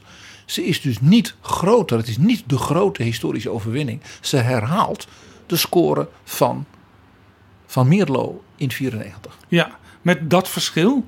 eh, dat van, maar dat zegt ook iets over de tijd. eh, dat Van Mierlo er acht jaar over gedaan heeft. Van eh, 1986 tot 1994. Om op die 24 zetels terecht te komen. En dat wist hij ook niet van tevoren dat hij daar zou komen. Maar in het licht van de historie moet dus D66 oppassen dat ze dan de volgende keer. Enzovoort, enzovoort, enzovoort. Dit was D66. Eh, ik, ik denk dat je die toch wel als de grote winnaar kan zien. Al betwist Thierry Baudet dat. Want die zegt, eh, mijn partij Forum is van twee naar acht zetels gegaan. Het was zelfs zo dat hij donderdag al meteen claimde dat de formatie eh, in zijn handen terecht moest komen. Wat ik wel een briljant idee vond op zichzelf. Maar ja, Jaap, ik, ik- jij zegt dat nu, dat, dat Baudet. Eh, bij de eerste commentaren, de eerste uren, werd voortdurend geroepen een enorme overwinning van de VVD. We zullen het er straks nog wel even over hebben. Ja, laten we het straks doen. En dus de beeldvorming van dat zij de grote overwinning Ja, straks was doen. niet toen het beeld. We hadden het al eventjes over links. Zullen we het daar nu iets uitgebreider over hebben? Eh, en dan met name de drie partijen die we doorgaans als de linkse partijen zien. Eh, Partij van de Arbeid, GroenLinks, SP. Eh Roderick, ze hadden natuurlijk allemaal een andere startpositie. Jesse Klaver was al heel lang de leider van GroenLinks. Lilian Marijnissen al enige tijd de aanvoerder van de SP. En net op het podium Lilian Ploemen, omdat Lodewijk Asscher plotseling vertrok. Hoe kijk jij naar de campagnes van die drie partijen? Nou ja, ik, ik bekijk het natuurlijk eh, retorisch. Hè. Hoe presenteerden ze zich en hoe geloofwaardig was dat? En, en wat is daar nou van blijven hangen? En dan vind ik ze alle drie interessant. Wat ik heel interessant vind is Lilian Marijnissen.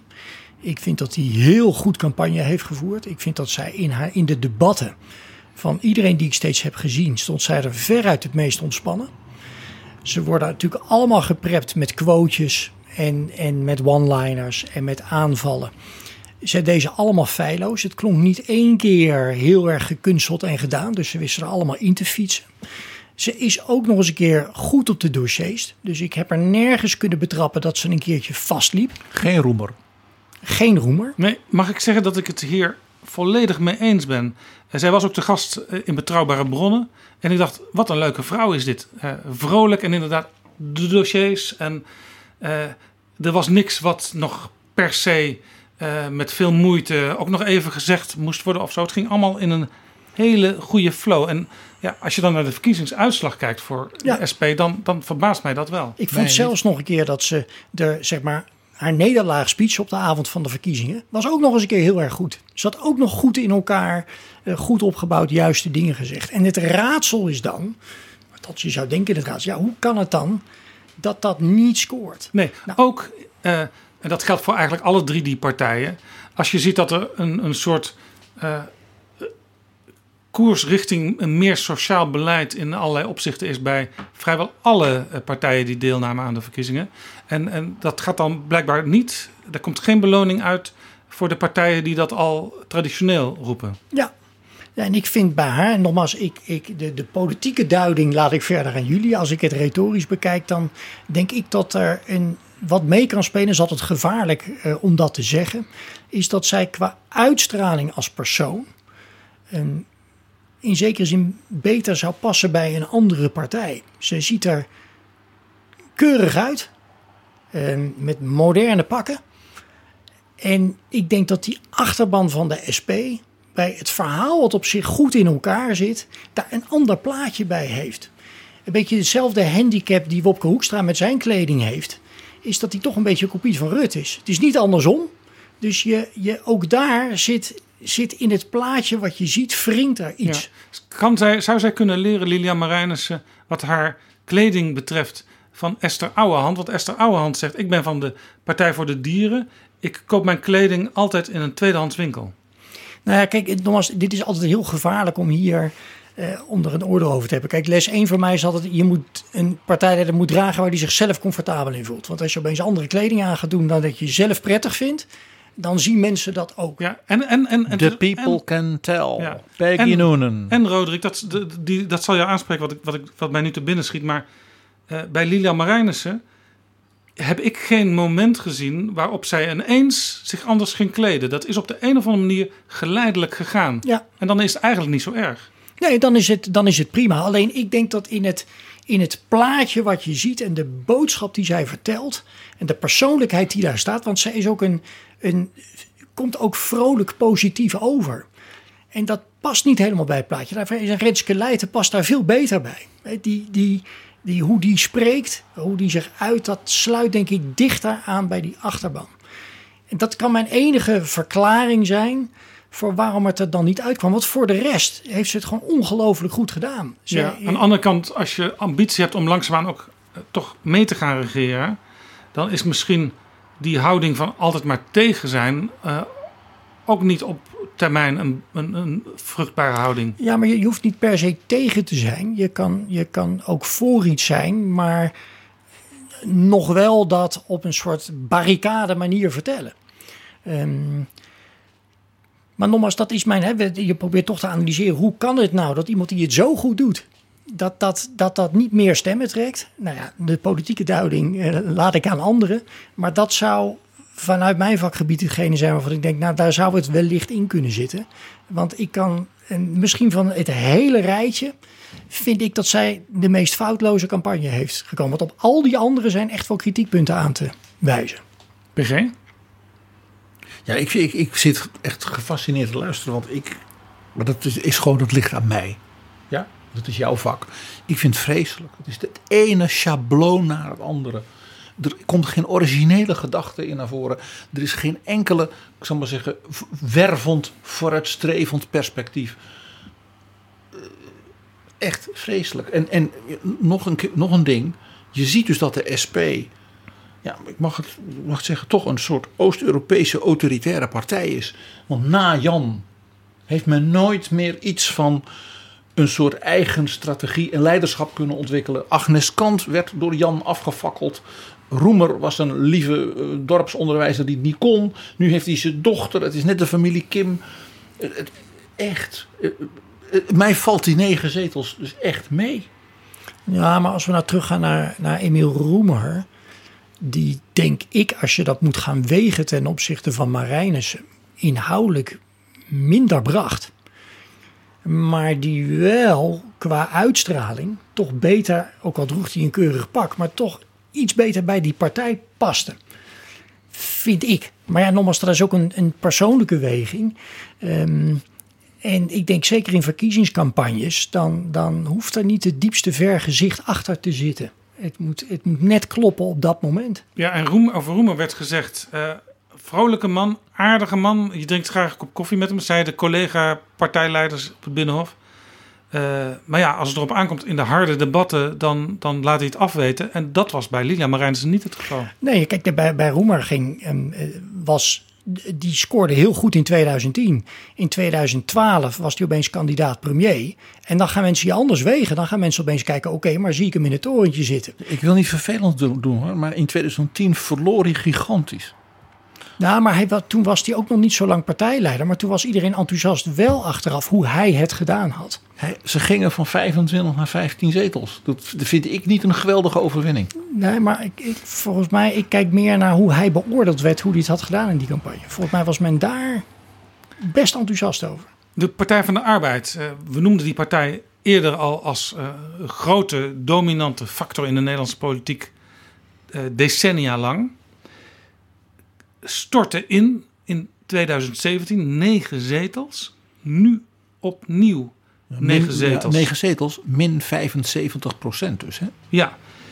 Ehm Lodewijk Asscher was natuurlijk de, de gedoodverfde lijsttrekker. Die vertrok ineens eh, als gevolg van de toeslagenaffaire. Hij had eh, het, zijn merk gebouwd op het woord zekerheid. Toen kwam ineens een nieuwe lijsttrekker, Lilian Ploemen. En die kwam eigenlijk meer met een emancipatieverhaal. Hoe heeft zij het gedaan? Nou ja, ik denk dat bij haar gewoon die tijd tekort is geweest. Je kan niet, in, wat heeft ze, acht weken of tien weken, ehm, heeft ze dat moeten neerzetten, opeens zo'n heel verhaal draaien en daar ehm, ehm, de hele boodschap omheen vormen. Dus ik denk dat daar zeker heeft meegespeeld dat de tijd gewoon tekort is geweest. En waarom heeft ze dan niet gewoon dat zekerheidsverhaal gehouden?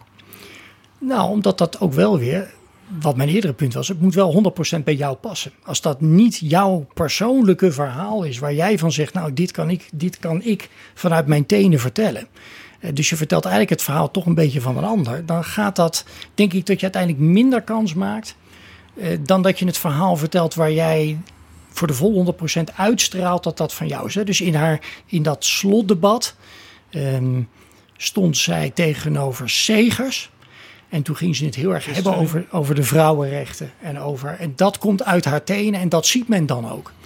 Ehm, en dat is je beste kans. Ja, bij D66 was overigens even eh, ook een lichte huiver toen zij aantrad. Eh, want Kaag was natuurlijk eh, neergezet als de, de vrouw die, het, die richting het torentje zou gaan. En nu kwam er bij de Partij van de Arbeid ook ineens, en voor het eerst in de geschiedenis van de Partij van de Arbeid, een vrouw als lijsttrekker. En ook nog met een emancipatieverhaal. Ja, nee, dus dat, dat was aanvankelijk leek dat een nadeel. Maar als je. Ja, ik ga toch even terug weer over die zekerheid. Als dat nou het thema is in onzekere tijden en zorgen en wat dan niet. Dan zoek je toch een lijsttrekker die zegt van die heet dan niet Ascher. Maar die kan ook zo'n betoog overtuigend, met kwaliteit, ja, met inhoud naar de, naar de kiezers brengen. Ja, maar da- daar, daar, daar heb ik geen oordeel over gehad. De, de vraag was, het werd bloemen. Roderick heeft, ge- was, heeft niet de opdracht gekregen van de Partij van de Arbeid. Nee, om maar dit, dit is een vraag die ik dus om, m- m- Nou ja. als ware stel. Ja, maar je kan wel meer vragen stellen bij de Partij van de Arbeid. Waarom je eh, elf, da- elf weken voor de verkiezingen de enige persoon die, die Rutte het echt vaak in debatten echt ingewikkeld kan maken op de inhoud, dat je die wegstuurt. Ja, daar, daar, maar zo is het gegaan. Jesse Klaver, al een tijd de leider van GroenLinks. Hij heeft zelf een keer, toen hij net aantrad, eh, een enorme smak eh, onder Jolande Sap, haar lijsttrekkerschap, meegemaakt. Toen haalden ze op de avond van de verkiezingen drie zetels. Het bleek er uiteindelijk vier te zijn. Op die avond zat Jesse Klaver zelf niet in de Tweede Kamer. De volgende dag bleek hij alsnog gekozen te zijn. Hij maakt het nu eigenlijk voor de tweede keer mee. Eh, die partij die is gegaan van 14 naar 7, een halvering. Ja, nou kijk, ja, hoe ik daarnaar kijk is dit. Ik denk, wat is nou het verhaal geweest? Het verhaal van GroenLinks. Voor zover ik het begrijp, los van dat ze natuurlijk voor klimaat opkomen als hè, we moeten het samen doen, samenwerking op links. We moeten, nou, dat, ik geloof allemaal dat dat oprecht is. Ja, Maar als toch- zij waren de partij die eigenlijk als enige consequent voor linkse samenwerking pleitte. En daar zelfs affiches bij maakte die nog verder gingen dan alleen eh, de linkse partijen, maar ook de progressieven van D66 stonden op dat affiche. Nou, en daar kan, een, daar kan eh, bedoel, daar ga ik niet over oordelen, een heel eh, intelligent idee achter zitten en dat dat uiteindelijk succesvol kan zijn. Maar het valt of staat met de vraag of de kiezer vervolgens denkt van ja, ik vind die linkse samenwerking, dat vind ik belangrijk. En ja, die klaver, dat is volgens mij degene die dat moet gaan leiden. En ik denk dat die laatste stap, dat de kiezer dat niet gedacht heeft. En dan is het opeens een zwak verhaal geworden. En de kiezer had natuurlijk nog iets. De kiezer eh, was natuurlijk net zo'n cynische machiavellist als ik. die zei: Ja, solidariteit, dat is iets waar ze onderling komt, dat komen ze dan wel zelden tegen. Want wat gebeurde er? Elke keer als Jesse Klaver riep: We moeten het samen doen, dan werd hij gedumpt. Dan door mevrouw Marijnissen, dan door, door- maar altijd, hij, hij, er, is, er is geen jongen in de, op, de, op het speelplein, ja, het schoolplein. Er is geen jongen op het schoolplein van de Nederlandse politiek die door zoveel meisjes is gedumpt in zo'n korte tijd als Jesse Klaver. Ja, maar als de kiezer had gedacht ehm, dat ze dat nou juist die, die, zeg maar, die meisjes hadden aangerekend.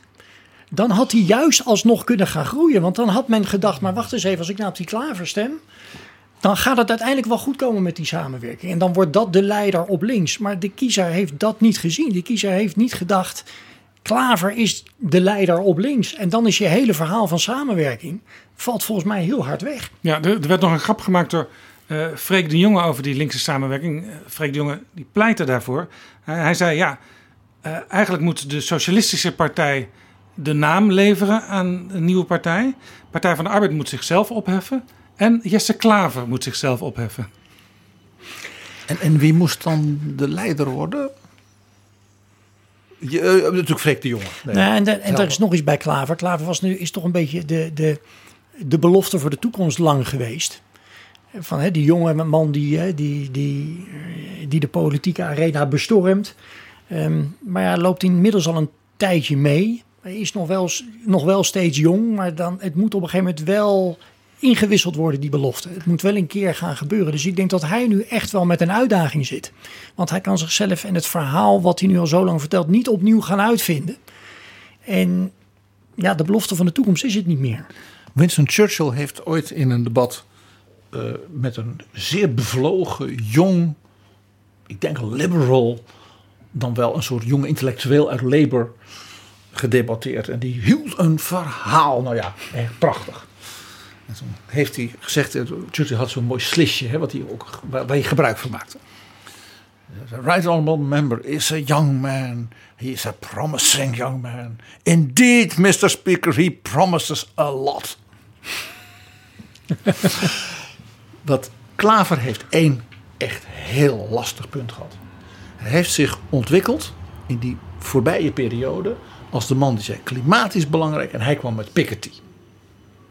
En die beide thema's, klimaat is ongelooflijk belangrijk en ongelijkheid en dit en dit, de inkomensontwikkeling is een serieus thema, is door iedereen overgenomen. Ja. Alle partijen zeiden we moeten iets doen aan ongelijke kansen en dit en dat dat. En Klaver had in het kader van die ongelijke kansen ook de studiebeurzen helpen afschaffen. Echt slim. Nou, hij was dus gewoon zijn onderwerp kwijt. En ja, dan kun je natuurlijk nog honderd meet-ups doen. Maar als je je onderwerp kwijt bent en je hebt niet iets anders daarvoor in de plaats. En datzelfde PG geldt in zekere zin voor het klimaatpleidooi van Klaver. Wat in feite gewoon in de kern gewoon nationaal beleid is Nee, geworden. iedereen heeft dat overgenomen. En, en, en, en dat Piketty was toen, heeft die meneer Piketty zelfs eh, naar de Tweede Kamer gehaald. En, en, en ja, en het boek werd ook meteen in het Nederlands vertaald en wat al niet. Tot grote jaloezie van de SP, want die hadden dat eigenlijk ook al willen doen. Nou, maar dat, zoiets En wat, ook- en maar, maar wat zag je dus nu? Eh, er waren partijen die alles behalve links waren. Die riepen, ja, meer kansen voor jonge mensen. En meer kansen op de, op de woningmarkt. En het was, eh, laat ik zeggen, eh, Piketty for president. Maar het kan, het, zoiets kan natuurlijk ook in je, in je voordeel werken. Denk aan, aan Coca-Cola. You can't beat the real thing. hè. Je hebt Ja, opeens maar, een dat is, drankje bedacht. maar dat is consumptie. Dit is ideeën. En dat is echt iets anders. Ja, maar in de boodschap kan je natuurlijk nog wel steeds zeggen: wij zijn, hè, wij zijn degene die het bedacht hebben en, en de rest volgt. Alleen, ja, in, in, zowel bij de SP ehm, eh, als bij GroenLinks ja, pakt dit niet zo uit. Dit is Betrouwbare Bronnen, een podcast met betrouwbare bronnen. Laten we gaan kijken naar een andere eh, groep partijen. eh, die ik zou willen omschrijven als de nationaal populisten. En laten we eerst even kijken naar de campagne van Thierry Baudet. Hij heeft gescoord bij de verkiezingen. eh, maar hij is niet de grootste geworden, wat hij bij de provinciale statenverkiezingen in 2019 nog wel was. En hij heeft misschien wel de meest afwijkende campagne gevoerd. Nou ja, ik denk dat je moet concluderen dat hij een, een hele knappe, slimme campagne heeft gevoerd. Een partij die in december nog werkelijk, eh, eh, nou ja, in, in, hoe zullen we het noemen, in het ravijn gestort was. En daarna zijn er nog zeven tanks overheen gereden. Heeft hij in een paar maanden tijd. Vlak na de lijstpresentatie verdwenen plots eh, zeven van de tien mensen van de lijst. Het, ze gingen allemaal weg. Door, door hemzelf. Dat is zeker waar. Maar hij heeft opeens een, een, zeg maar, alle onderwerpen waar hij groot mee is geworden, die heeft hij volledig eh, weggestopt. We hebben hem niet één keer over Europa horen praten, niet één keer over migratie en niet één keer over klimaat. Hij heeft gewoon voor iets gekozen wat bij iedereen top of mind is, dat is corona. En is als enige de andere kant op gaan rennen. Met een slimme campagne, door met, die, met, met, met zijn karavaan door het land heen te rijden. Je hebt hem iedere avond, of ook op social media, heb ik ze continu voorbij zien komen. Puur omdat het was anders was dan wat de rest deed. Het verhaal was natuurlijk verder flinterdun. Maar ja, uit campagne-oogpunt. En als, als je als journalist de opdracht had van je hoofdredacteur om die partij te volgen, dan moest je toch al die speeches, die vaak ellenlang duurden, eh, in al die plaatsen waar die caravan eh, stop hield, moest je beluisteren. Want elke keer kon hij toch weer iets totaal onverwachts zeggen, wat misschien journalistiek even de moeite van het noteren waard was. Laten we even luisteren naar Baudet. We staan aan het beginpunt van misschien wel duizend jaar van diaspora. Wij worden een minderheid. We gaan waarschijnlijk heel veel vrijheden kwijtraken. En we moeten ons wapenen. Ik zou niet weten wat er nog meer moet gebeuren in een land om de bevolking tot razernij te brengen.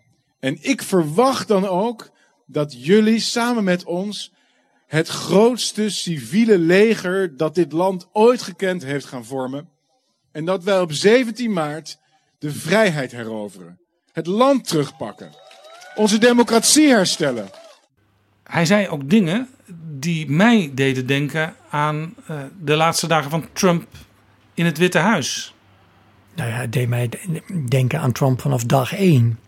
Um, als jij maar een kernboodschap hebt die mensen nauw aan het hart ligt. En dat is de groep mensen die het helemaal gehad heeft met de coronamaatregelen. En je zegt dat met verven iedere dag opnieuw.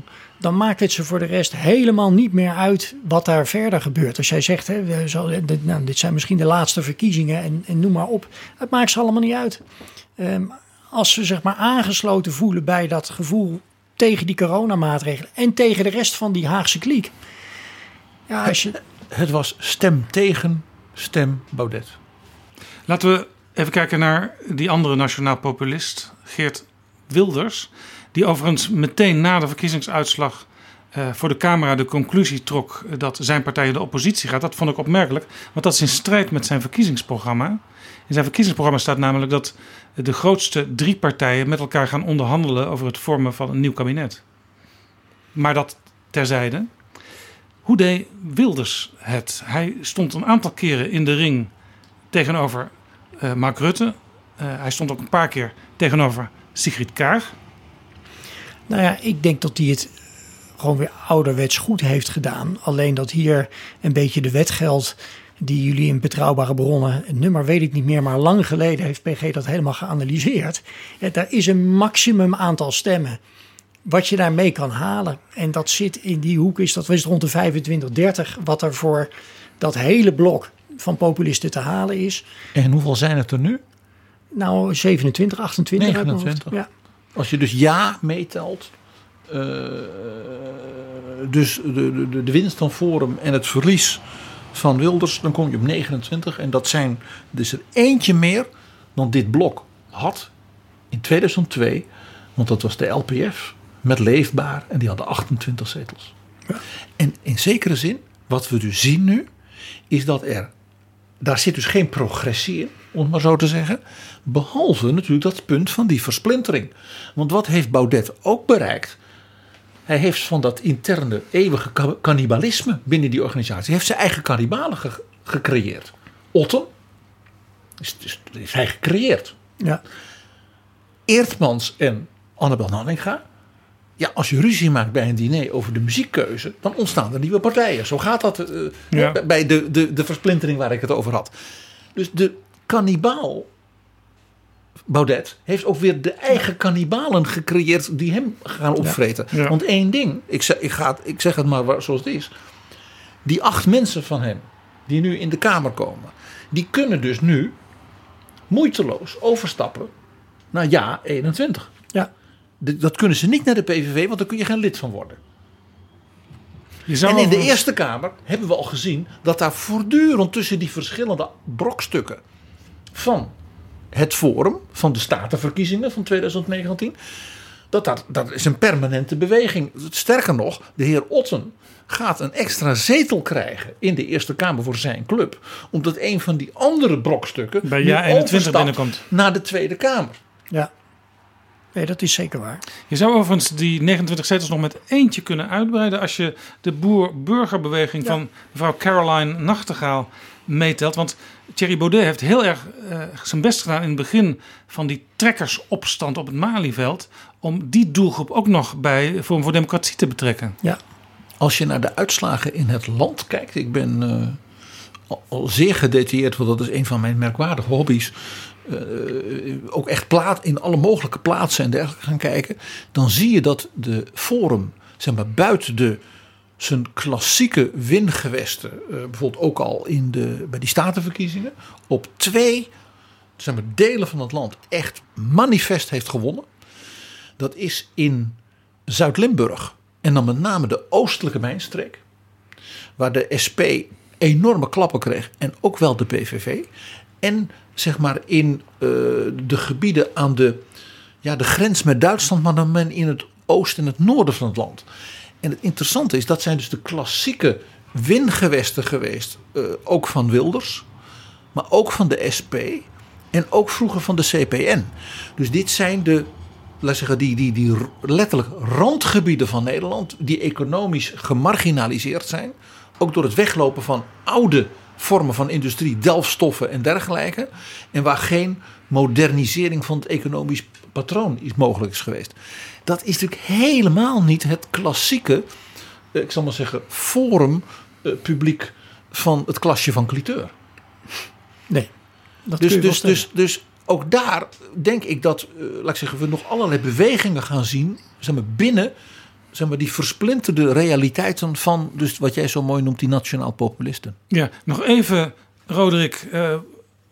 jij looft ook elk jaar bij de Algemene Beschouwingen een, een prijs uit voor de beste debater bij die beschouwingen. Dat is een aantal keren achter elkaar Lodewijk Asscher geweest. Dat zal dus nu niet meer kunnen bij, bij de volgende Algemene Beschouwingen.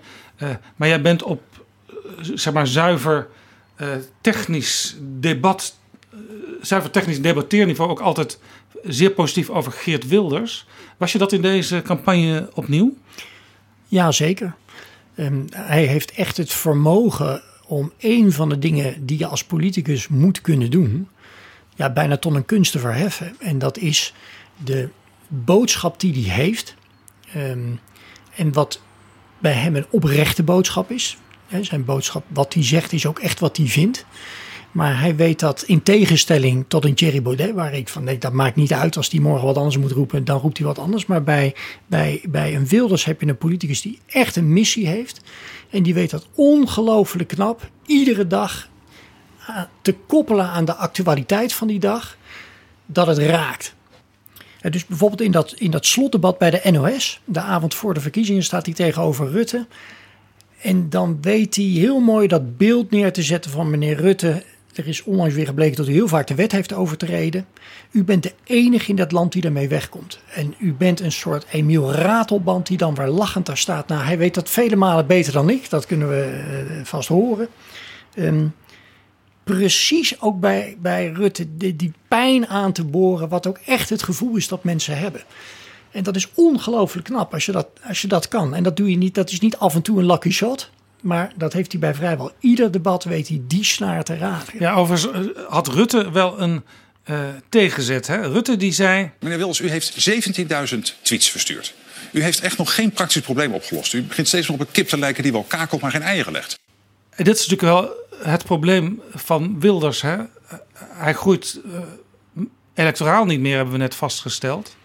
Maar ook in macht en invloed zit er geen groei meer in. Nou, maar hij weet wel op, op het dossier waar het hem echt op te doen is. sinds 2006 dat keer op keer op de agenda te zetten. En daar zijn we als land ook echt in verschoven. Eh, Ja. Mede doordat hij steeds op dat, daarop getamboerijnd heeft. Dus volgens mij de invloed die hij wil hebben. Hij heeft indirect invloed doordat andere partijen op een andere manier met dat onderwerp omgaan. Ja, hij agendeert het keer op keer op een pijnlijke manier. En daar is dus een groot deel, of nou, een, een, deze keer weer 17 zetels, dat is niet niks. Dat is rond een miljoen, of misschien zelfs ietsje meer. ehm, die zich daarin vertegenwoordigd ziet. En dat doet hij heel knap. En ik persoonlijk eh, denk ik, maar dat, is, eh, ja, dat kan ik niet hard maken, dat hij met die 17 zetels ook best tevreden is dat dat goed is. Want daarmee heeft hij voldoende mandaat. Hij, hij zei gisteravond direct alweer, ik, ik blijf de grootste oppositiepartij.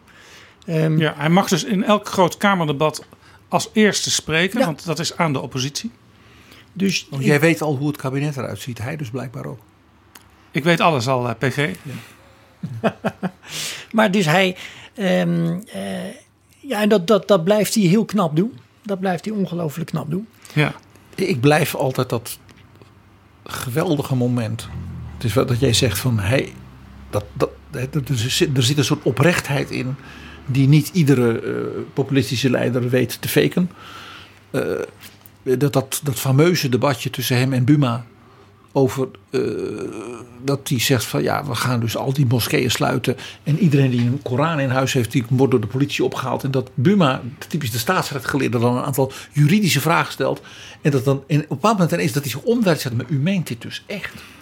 En dat het tot Buma doordringt dat hij dus echt van plan is de politie dus bij Huizen Buma te laten aanbellen. Omdat hij zegt, ja, ik heb ook een Koran en ik heb een, ja, ik heb een, een, een mooie dichtbundel met, van de psalmen. En, want dat heb je. Nee, dat heb je niet, vond, dus, vond dus Wilders. Ja, er was een moment in een van deze debatten, misschien wel ook dat laatste moment eh, waar Wilders en Rutte tegenover elkaar stonden, dat ik dacht dat misschien dit wel even door Rutte nog zou worden opgebracht. Want er had zo een herhaling ingezeten om nog eens even duidelijk te maken waar Wilders echt voor staat. Ja, maar dat dat dus ook bij hem geen toneelstukje is. Ja, maar de, de reden denk ik, Jaap, dat, dat Rutte dat Hoe niet vreselijk het ook is dat je dus het schenden van de fundamentele vrijheden van mensen, dat dat niet je toneelstukje is. Maar ik denk dat de politicus Rutte heeft gedacht dat hij die aanval nu niet nodig had. Ik vond de aanval die Rutte terugdeed veel slimmer. En, en dat was nog een keer aan die kiezer uitleggen. Beste kiezer, als u op Wilders stemt, gebeurt er eigenlijk niks. Kortom, kom naar mij toe. En om dat nou via, om dan het hele verhaal te vertellen, u wilt dat die Korans worden opgehaald, dat is de avond voor de verkiezing allemaal veel te ingewikkeld. En dan, je moet, die ene boodschap is, kom naar mij, want aan hem heb je niks.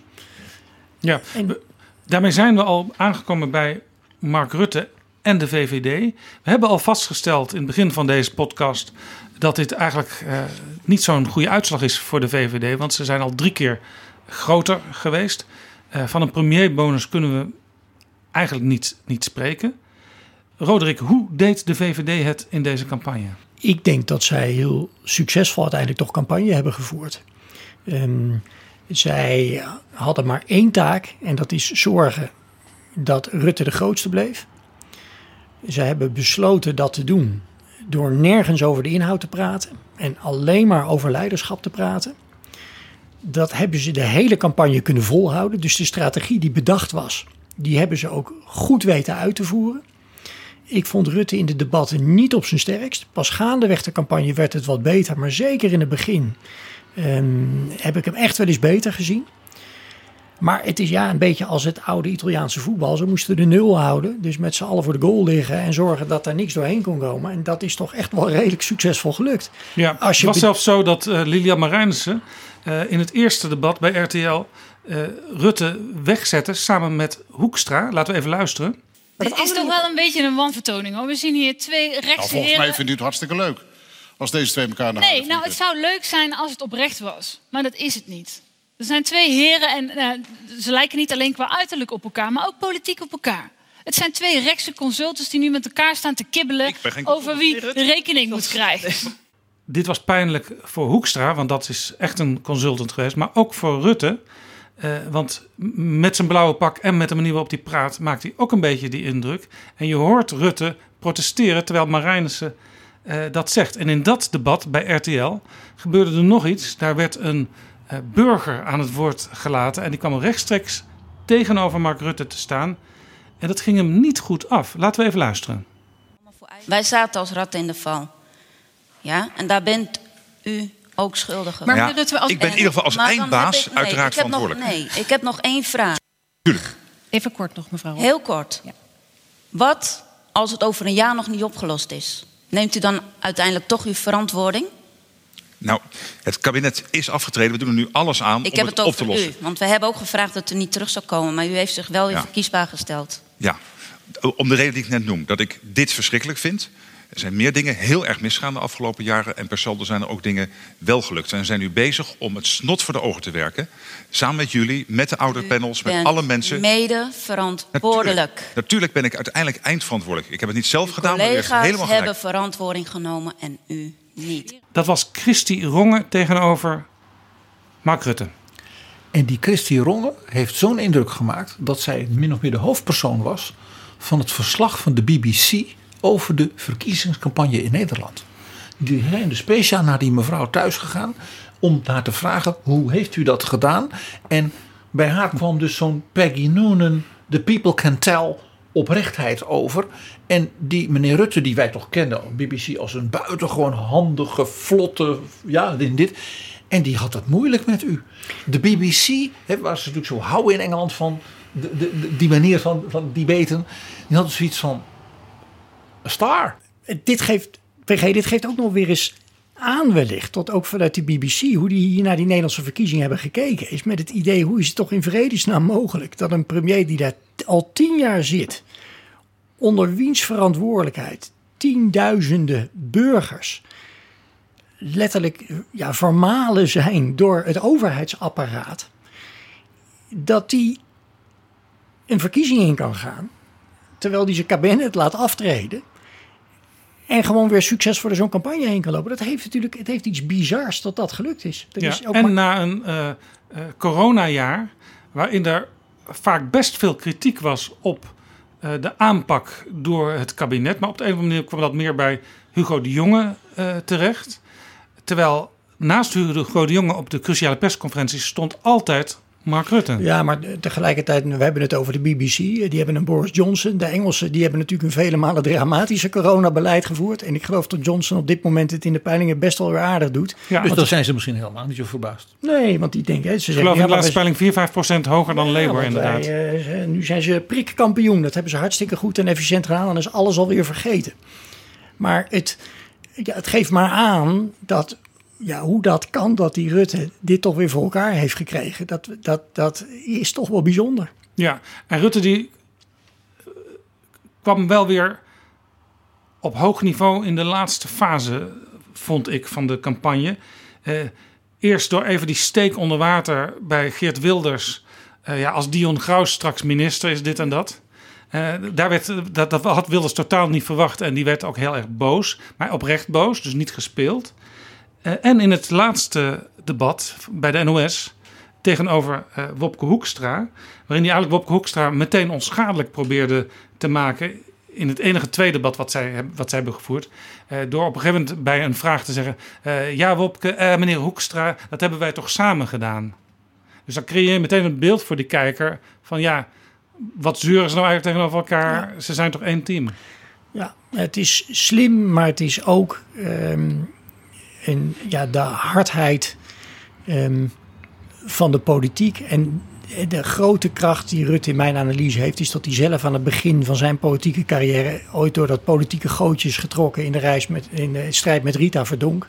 Alle klappen zelf een keer gekregen heeft. En dat zorgt ervoor dat je in de hitte van de strijd eh, durf je dan zelf ook zo'n tik uit te delen. En dan kan die dat ook nog eens op een natuurlijke manier. Ehm, en dat merk je bij diegene, ook bij een Hoekstra, die daar, die daar dan voor het eerst staat. Ehm, ja, die is nu ontgroend, deze campagne. Ja, ja we, we hebben het nu al over Hoekstra. Eh, we hebben natuurlijk PG, PG, wil jij nog iets over het VVD zeggen? Oké. Ik wil er toch even aan herinneren dat het rally around the flag verhaal, dat hebben we een half jaar gehoord. Hè, dat zou Rutte als het ware natuurlijk als een soort politieke wetmatigheid toegeleiden. Daar hoeft hij niets voor te doen. Eh, hij heeft dus een zetel minder dan Nijpels. Hij zit onder, ver onder zijn eigen beste resultaat. En eh, hij kan dus niet het speelveld van de Haagse politiek domineren. En ja, Jaap, jij zei het al, je kunt een vooruitgang van een zware nederlaag naar 33 zetels, naar 35 zetels, niet als een kanslerbonus, zoals de Duitsers noemen, Nee. zeggen. Nee. En ik zeg dus in dat opzicht, eh, de VVD en, dus, en, en met de VVD Mark Rutte heeft gewoon geen goed verkiezingsresultaat. En de beeldvorming die er in de eerste uren na de eerste exit poll was, van een soort glorieuze triomf van de VVD. Ja, ik heb zitten lachen. Nou ja, maar dat is ook als je in mijn analyse daarnaar kijkt van het feit dat die. Daar komt een Rutte 4. Dat is al een huzarenstuk. Als je kijkt naar waar we het net over hadden, die toeslagenaffaire. Het is toch ook deze keer weer een Houdini gebleken.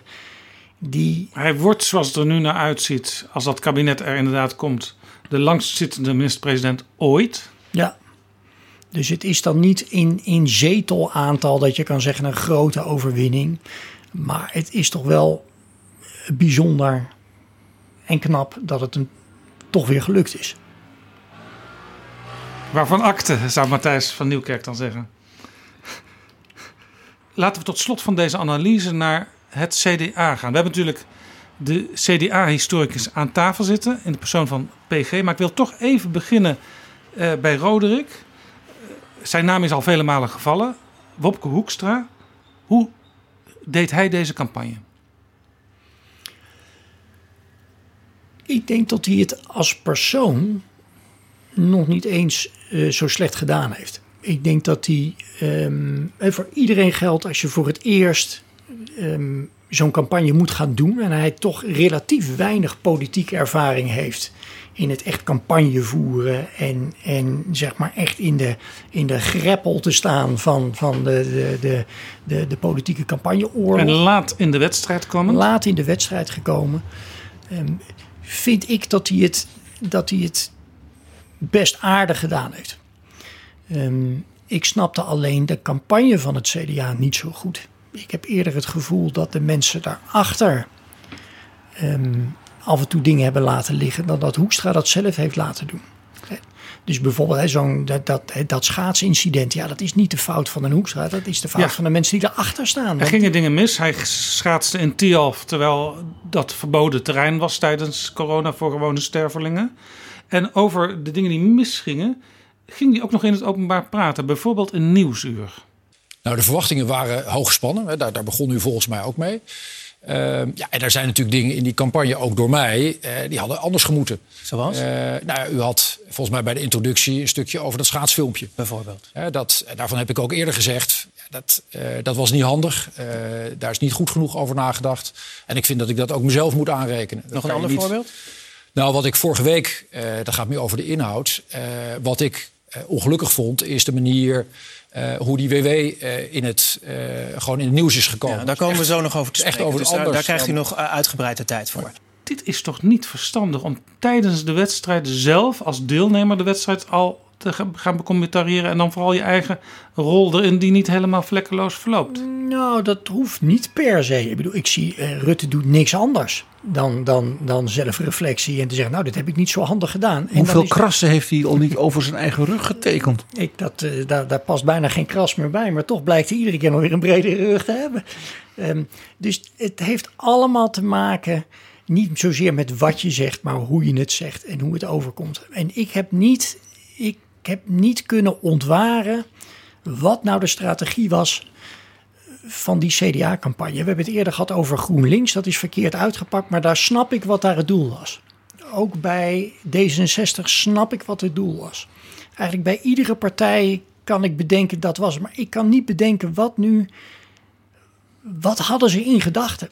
Wat had er moeten gebeuren? Wat was nou, en dat begint ook met dat nu doorpakken.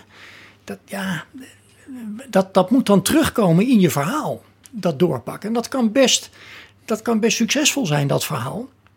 Maar ja, moet- Arjan Korteweg die schreef in de Volkskrant dat nu doorpakken, dat klonk eigenlijk meer als een, als een VVD-leus.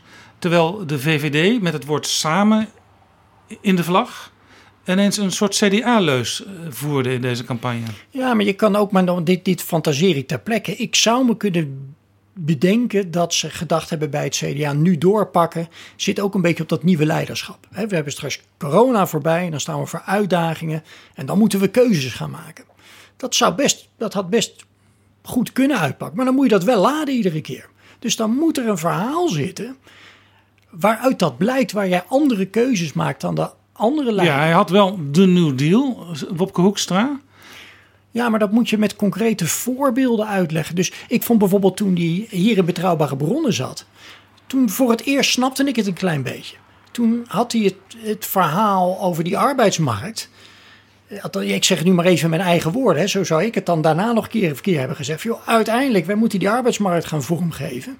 En de VVD die gelooft nog steeds in dat ieder voor zich en zo mogelijk vrijheid. Wij geloven er toch meer in die vastere contracten. Eh, En dat moeten we nu gaan doen en dat is belangrijk. Dan weet ik als zwevende kiezer tussen CDA en VVD wat het verschil is. Ja, hij zat in betrouwbare bronnen op de zaterdag voor de verkiezingen. Mij viel dat inderdaad ook op dat hij daar best wel helder zijn verhaal uiteenzette. Dat hij dat opnieuw deed in het Eén Vandaag debat op maandag. En ook in zekere zin in het NOS-debat op dinsdag. Dus in zijn laatste week ging het ineens veel beter. Ja, maar nog, nog steeds niet scherp genoeg. Nog steeds, het, het begon iedere keer, dat is natuurlijk vervelend als zo'n WW-issue komt. Van u, u verkort die WW met een jaar. Ja, daar moet direct een slim antwoord op komen. En dat moet zo'n team doen. Mijn eerste ingeving was toen ik dat hoorde. Ik zou als CDA hebben gezegd, nee, wij verhogen de WW. Wij verhogen de WW, want het echte probleem is dat je nu heel veel mensen hebt die hun baan verliezen. In één keer hard terugvallen. Dat is een groot probleem. En wij zorgen ervoor dat dat minder hard gebeurt. En daarna gaan we die mensen helpen om weer aan de bak te komen. Dan is het verhaal opeens, we verhogen de WW. Toen ik dat bericht zag over die WW, was er door, nou niet toevalligheden, maar doordat ik wel eens meedenk ook met bijvoorbeeld de programmatuur van het CDA, wist ik onmiddellijk waar het over ging. En ik geef eerlijk toe, ik had het hoofdstuk arbeidsmarkt en verkiezingsprogramma niet gelezen. Je kunt niet alles lezen. Dat valt me dan toch tegen, PG. Oh, ja, ik val zo tegen, joh. Je hebt geen idee. Maar ik wist onmiddellijk waar het over ging. Dit was Borstlap, zoals dat heet.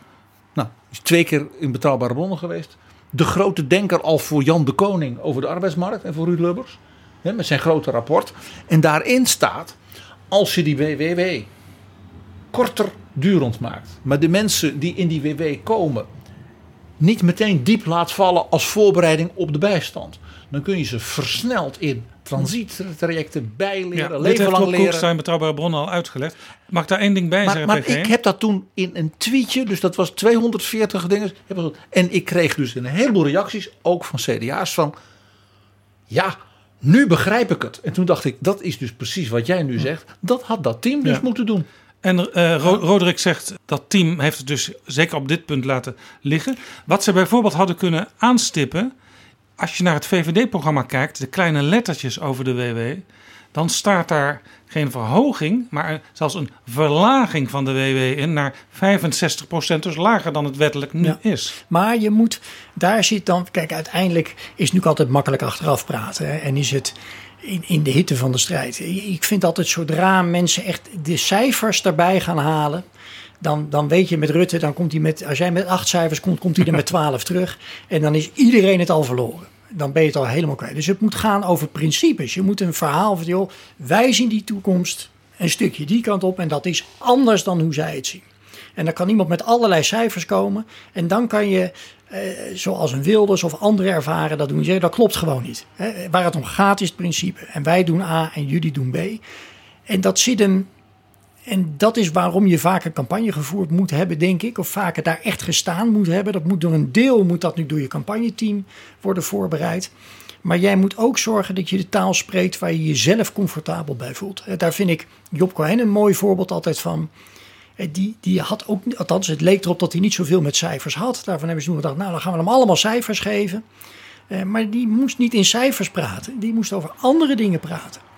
Dus je moet, nou, je ziet Balken in het 2006 met zijn normen en waarden. Joh, dat is, daar kan die over praten. En andere dingen niet. En zo moet je ook zo'n Hoekstra, en daar heeft Kaag dus meer de tijd voor gehad. Die heeft op een gegeven moment kunnen bijsturen en kunnen zeggen: ja, maar wacht eens even, dit is hoe ik het wil vertellen. En dan kan je ook als campagneteam nog bijsturen van oké, dan doen we het zo. Maar bij Hoekstra is die tijd er nooit geweest. Ja, en dan op een gegeven moment ren je van uitzending naar uitzending.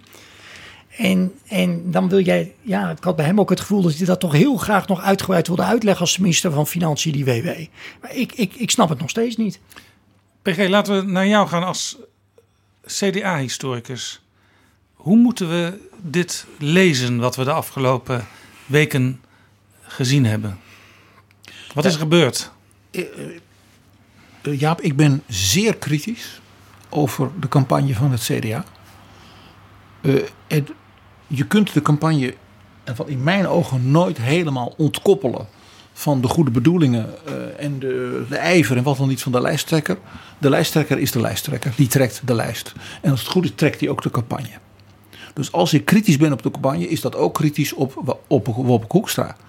En die kritiek eh, bevat drie dingen. Ten eerste, en dat is absoluut niet aan Hoekstra, dat is volledig aan het partijbestuur en de partijorganisatie, is dat natuurlijk eigenlijk vanaf het voorjaar van 2020 het een opeenstapeling is geweest van, ik zeg maar gewoon amateurisme. Bedankt voor uw stem op Hugo de Jonge. Meer zeg ik niet. Dan weet iedereen wat ik bedoel. Er kan één keer iets misgaan. Ja? Het, de stroom valt uit terwijl je net het licht aandoet, terwijl je lijsttrekker het toneel opkomt. Elke partij kent die dingen. Ik vertel in mijn boek Tand destijds de presentatie van de lijsttrekker Balkenende op het CDA-congres. En er kwam een film over Nederland en de toekomst van Nederland met innovatie. En Nederland ging. En die film begon, prachtige film. Die was bedoeld voor alle afdelingen. Die zouden zo krijgen aan het eind van de dag. En toen sprak de lijsttrekker tot een volle zaal. En die lijsttrekker was Jaap de Hoop Scheffer. Ze hadden een verkeerde video meegenomen. Dat mag dus gebeuren, één keer. Dat kan keer gebeuren. Wat was het effect? Het effect was heel grappig. Jan-Peter Balkenende kreeg zo de onvoorstelbare rolgiegel van het lachen. En met hem, naast hem gezeten, Jaap de Hoop Scheffer, dat die hele zaal werd aangestoken door hun hilariteit. En dat werkte dus ineens heel andersom. Ineens, die, die man heeft een soort zelfspothumor die in Den Haag relatief zeldzaam is. Nou, gelukkig bij het ongeluk, want ongeluk was het deze opeenstapeling van wat ik noem amateurisme, want ik heb er geen andere verklaring voor, is gewoon pijnlijk. En dat raakt hoe dan ook een lijsttrekker, zeker als hij relatief laat ja, instapt. Want dan heeft hij waarschijnlijk voortdurend het gevoel van als dit maar goed gaat en dan sta je er niet lekker. Gewoon heel plat. Ik ben op het punt van uh, bijvoorbeeld dat schaatsen veel kritischer dan jij. Uh, Jij zegt dat is dat team. Nee hoor, dat is Hoekstra zelf. Dat is een sportman. Hij had zijn sportspullen meegenomen daarheen. Maar het team kan jou daarvoor behoeden. Dat ben ik volstrekt met je eens. En dat moet zo'n team ook doen. Ja, maar ik denk dat je op dat, mo op dat moment is, ja, Hoekstra die stapt alleen maar auto in en uit, studio in en uit. En dan zijn er schaatsen. Dan heeft iemand gezegd, joh, trek die dingen aan. Volgens mij ben je daar dan niet mee bezig. Dus ik, daar heb je dat campagneteam voor nodig. Dit was afgesproken werk. Dit is helemaal, helemaal voorbereid geweest. Dus ik ben op dat punt, vandaar ik ben dus ook daarop kritisch. tweede punt waar ik kritisch op ben is, uh, Roderick stipte het aan. Ik had af en toe het gevoel, is er een campagne? Er was geen heldere boodschap. Men was de campagne ingegaan met, we hebben met het duo, zij het wat verlaat gestart. Pieter Omtzigt. Hoekstra, Omtzigt een gouden combinatie. Namelijk iemand hè, als minister en minister van Financiën die de grote lijnen, regeringsbeleid, Europees beleid, zelfs internationaal beleid, ja, goed kan neerzetten. Die ook in Europa daarom ook wordt, hoogelijk wordt gewaardeerd. Hoe die dat doet. Jong, dynamisch, ja, enzovoort. En ja, de, de, de, zeg maar, de vlees geworden zorg om de waarden en normen. En de de positie van de burger in tijden van ja, algoritmen en, en, en, en een overheid die maar, maar doordendert. Door Hoekstra ook het allerbeste Kamerlid genoemd. En waarom ook niet? Dus ook nog komt Omtzigt met dat concept waar hij een boek over schrijft, dan dat nieuw sociaal contract. Nou, als er iets prachtig in elkaar te schuiven was, was bijvoorbeeld zo'n punt van die arbeidsmarkt.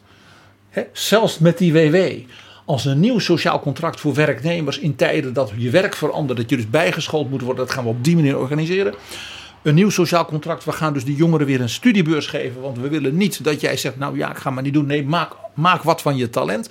Het was een prachtige combinatie. Ik heb het niet gehoord. Eh, dus op dat punt heeft men ja, een, een, een, een in mijn ogen wat richtingloze campagne gevoerd. Ja, ik heb nog het vaakst gehoord tijdens de campagne als commentaar op wat de CDA deed, VVD light. Ja, maar ik ben niet zo geïnteresseerd in wat anderen voor commentaar erop geven. Als ik maar zo, als ik Je, bedoelt, je, wil intrinsiek naar die campagne Ik kijk kijken. vanuit de, ook jouw vraag vanuit de CDA-historie en vanuit de, de kennis van die partij. Maar er was natuurlijk nog iets waar Hoekstra mee, ja, dat, kreeg hij bij zijn aantreden, was de lijst. Het CDA had natuurlijk met Hoekstra eh, natuurlijk een soort generatiewisseling kunnen presenteren van de nieuwe mensen van het CDA van de 21ste eeuw. Met daarbij de allesbehalve oud en versleten Pieter Omtzigt, maar die wel al 17 jaar als het beste Kamerlid. Dus dat is dan een soort extra wat je dan ook nog hebt. Nou, die lijst was buitengewoon zwak. Vooral de bovenkant van de lijst. Eh, daar kon Hoekstra eh, niet mee zeg maar, schitteren, om het maar zo te zeggen. Eh, die mevrouw uit Brabant, die mede verantwoordelijk was voor die coalitie met Forum daar, die werd op vier gezet. Die hebben we niet meer gehoord. Die mocht ook niet het debat van het zuiden doen. Ja, dat, dat, dat ziet men in het zuiden, hè, zal ik maar zeggen. Nou, Omtzigt, ja, die heeft op een bepaald moment ook doordat hij gewoon ziek was en moe en afgeleefd, ja, die heeft zich afgekoppeld. Dat merk je. Dat zie je. Dus dat, dat is allemaal onderdeel van een soort incoherentie in dat geheel. En dat straalt zich ook uit op het verhaal. Nou ja, je ziet het dus in de uitslagen. Eh, ik heb eh, heel gedetailleerd al daarna gekeken. Je ziet dat het CDA in urbaan Nederland, waar men met iemand als Hoekstra de verkiezingen had moeten winnen. Ja, moderne man. En met, een, en met een moderne boodschap. Met dat nieuwe sociaal contract en dergelijke. Eh, nou, in urbaan Nederland heeft men dus 25 tot 30 procent van de aanhang verloren. Want als je in Amsterdam van 3,5 naar 2,5 procent gaat, is het beide weinig. Maar relatief is dat een dik een derde eraf. Ja, ik herinner me uit het verleden, PG, dat jij zei dat zijn meer mensen dan er in Tubbergen wonen, waar het CDA altijd van zegt dat is onze plaats waar wij het grootste zijn. Ja, en in Tubbergen heeft men ook heel fors verloren. En het interessante is dat men in Tubbergen, Dinkeland en die gemeenten en ook andere zeg maar, hardcore CDA-gebieden, dat je daar iets heel opmerkelijks ziet. Dat is een gedeelte van het land waar de opkomst duidelijk lager is. Dus het zijn de CDA-kiezers daar die of naar het kerkhof zijn gegaan, want dat speelt een rol, ook bij de PvdA. Dan wel zo oud worden zo langzamerhand dat ze niet meer gaan stemmen. Dan wel dat ze thuis gebleven zijn. Want het is heel duidelijk te merken, het CDA heeft dus niet, als het ware, zichtbaar bijvoorbeeld heel veel kiezers verloren aan partij X. Dus dat is opmerkelijk. Dramatisch ook. Alle provincies waarvan het CDA zich nog op de borst kon kloppen, daar zijn wij de grootste. Die zijn toegevallen aan de VVD. Ja, heel opmerkelijk. Het Rode Groningen heeft als grootste partij D66. En alle andere provincies, en met name dus ook Overijssel, ik zal maar zeggen Omtzigtland, heeft nu de VVD als de grootste. Ik geef nog een interessant gegeven. Er zijn twee provincies in Nederland waar het CDA nog net boven 15% van de stemmen zit.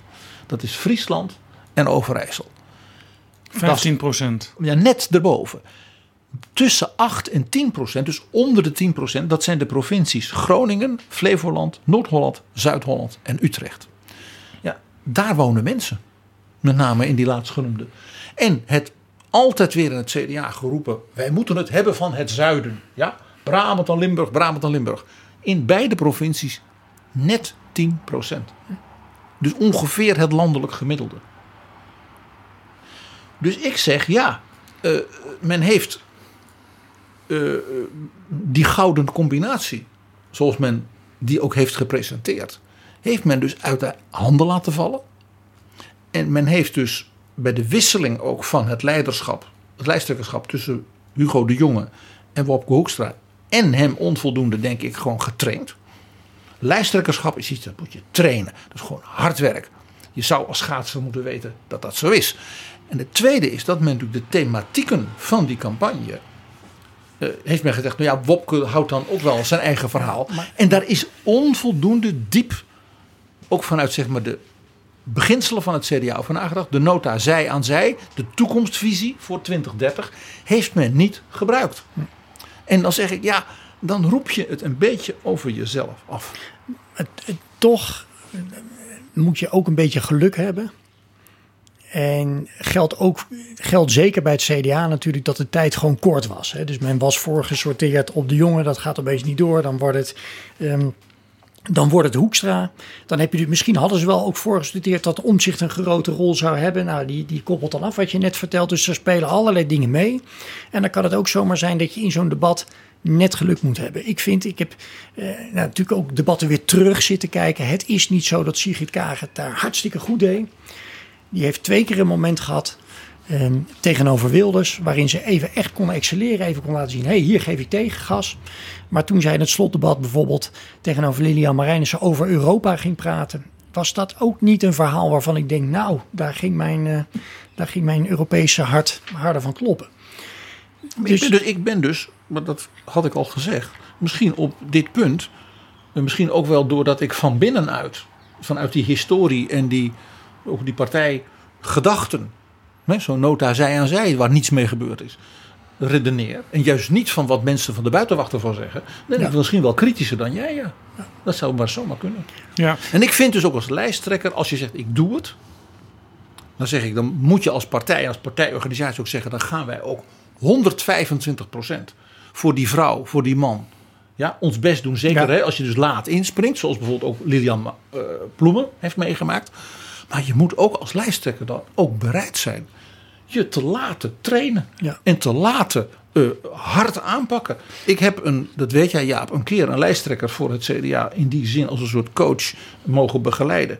Eh, hij kan mij nog met een brede grijns wel verwijten maken over hoe hard ik hem aanpakte. Maar Maar het nog- oefenen van debatten. Ja, dan nog heb ik, ik heb dat soort trainingen ook wel gedaan in het verleden. Dan weet je er alles van dat ze nog jaren later je boos kunnen Dat aankijken, kan. maar met een glimlach. Dat kan, maar dan nog is dat toch de training. Dat is de training, dat is de training, dat is nog altijd wat anders dan de wedstrijd. En je moet ook die wedstrijd een paar keer gedaan hebben. Maar elke grote operazanger, ik weet het van de persoonlijke repetitor van Placido Domingo, er is geen betere.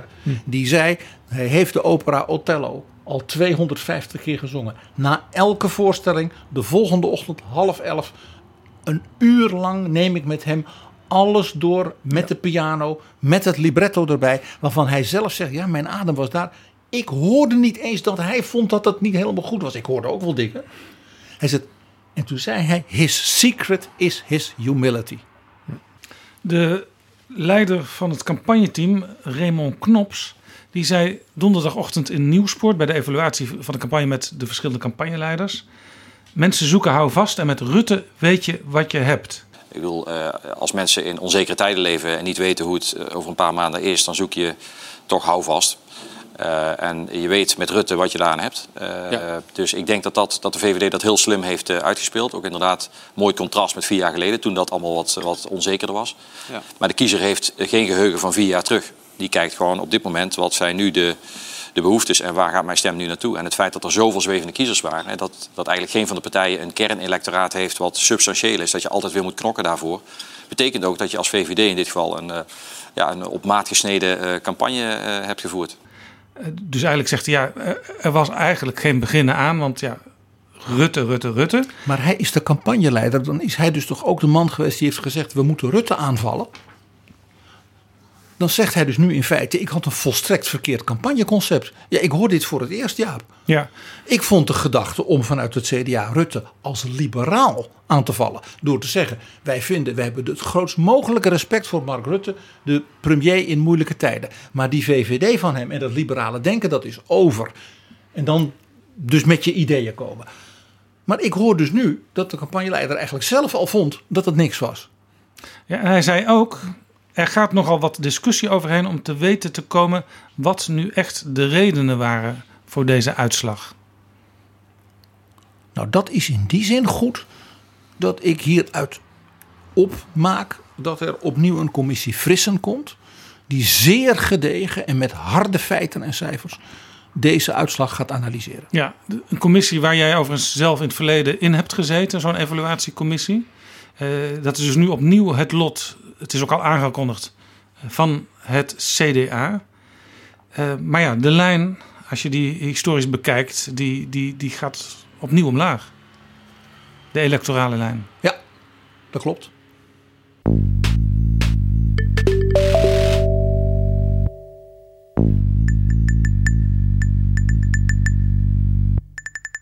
Laten we gaan afronden. Misschien, en dat wil ik ook aan jullie allebei vragen, hebben we nog een paar overgebleven gedachten. Er zijn altijd van die dingetjes die de hele tijd in zo'n campagne door je hoofd gaan, maar waar, waarvan je dan in zo'n evaluatie denkt, nou, dat hoef ik ook niet ook nog eens een keer te noemen. Uh, ik, wat mij bijvoorbeeld opviel was uh, de foto's op het affiche van Rutte en van Hoekstra. Dat leken wel van die gevangenisfoto's met uh, fel tegenlicht. Wat was daar het idee van? Heb jij, heb jij daar een gedachte bij, uh, bij Roderick als campagnedeskundige? Nee, nee daar heb ik geen, uh, geen analyse bij. Dan laten we die misschien ook voor die evaluatiecommissie, PG. Zo'n commissie kijkt overal naar. Uh, mag ik nog een, een, iemand noemen waarvan ik zeg die zal niet blij zijn met de uitkomst van deze verkiezingen, omdat die de positie van Nederland als stevige uh, zeg maar, uh, partner natuurlijk toch verzwakt. Dat is de opvolger van Angela Merkel. Ah. Want ja, voor de Duitse regeringen van mevrouw Merkel en dergelijke. Nou ja, denk aan ons gesprek met Peter Altmaier uh, in het begin van Betrouwbare Bronnen. Ja, was altijd van: kijk, het mooie van Nederland is, je kunt daarop rekenen.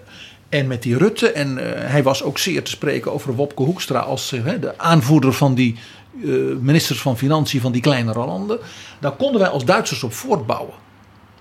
Dat zal nu aanzienlijk zwakker zijn.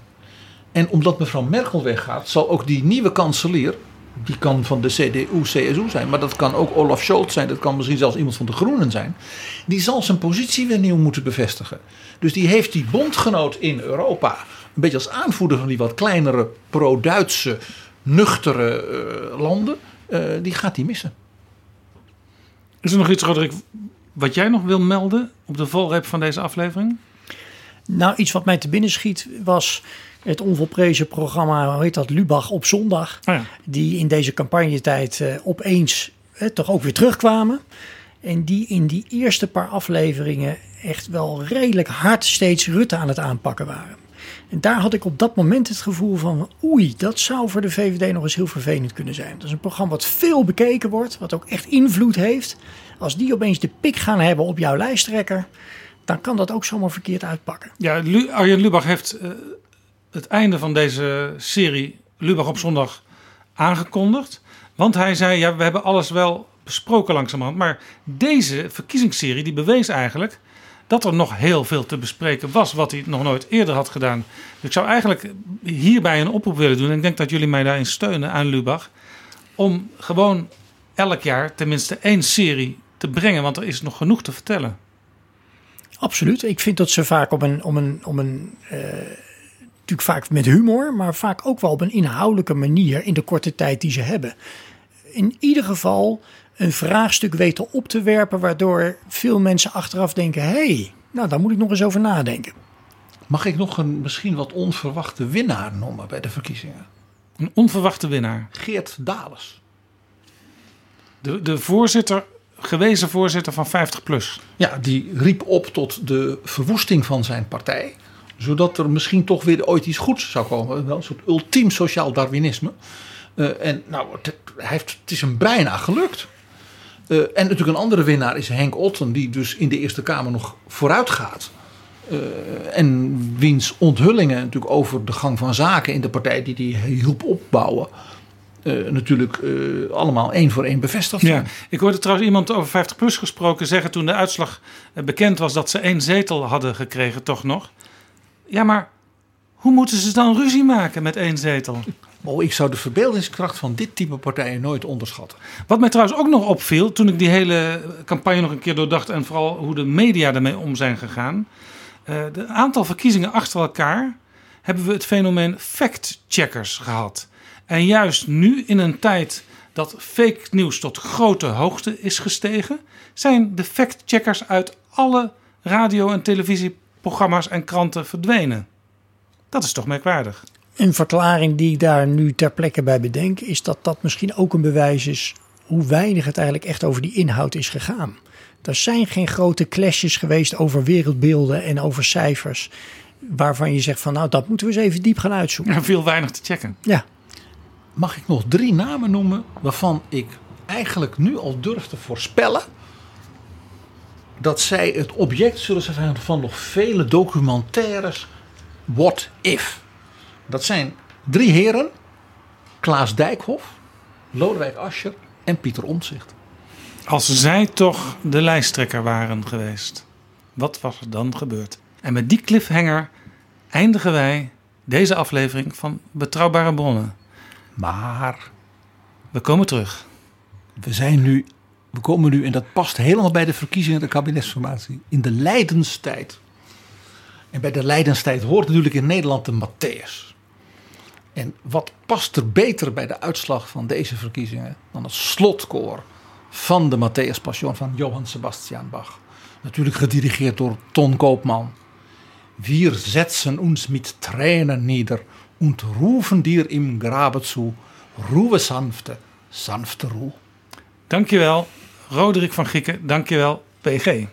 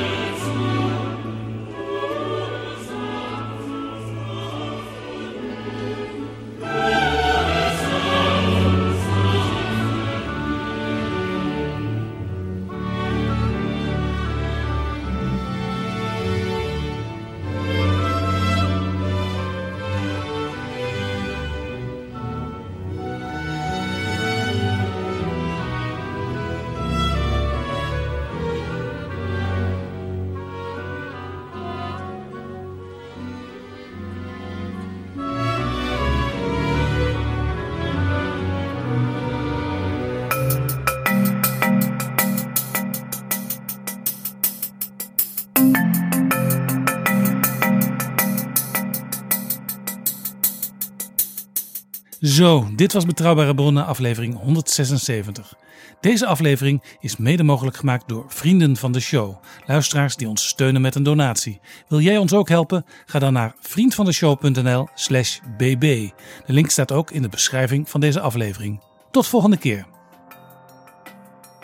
Betrouwbare Bronnen wordt gemaakt door Jaap Jansen in samenwerking met dag en nacht.nl.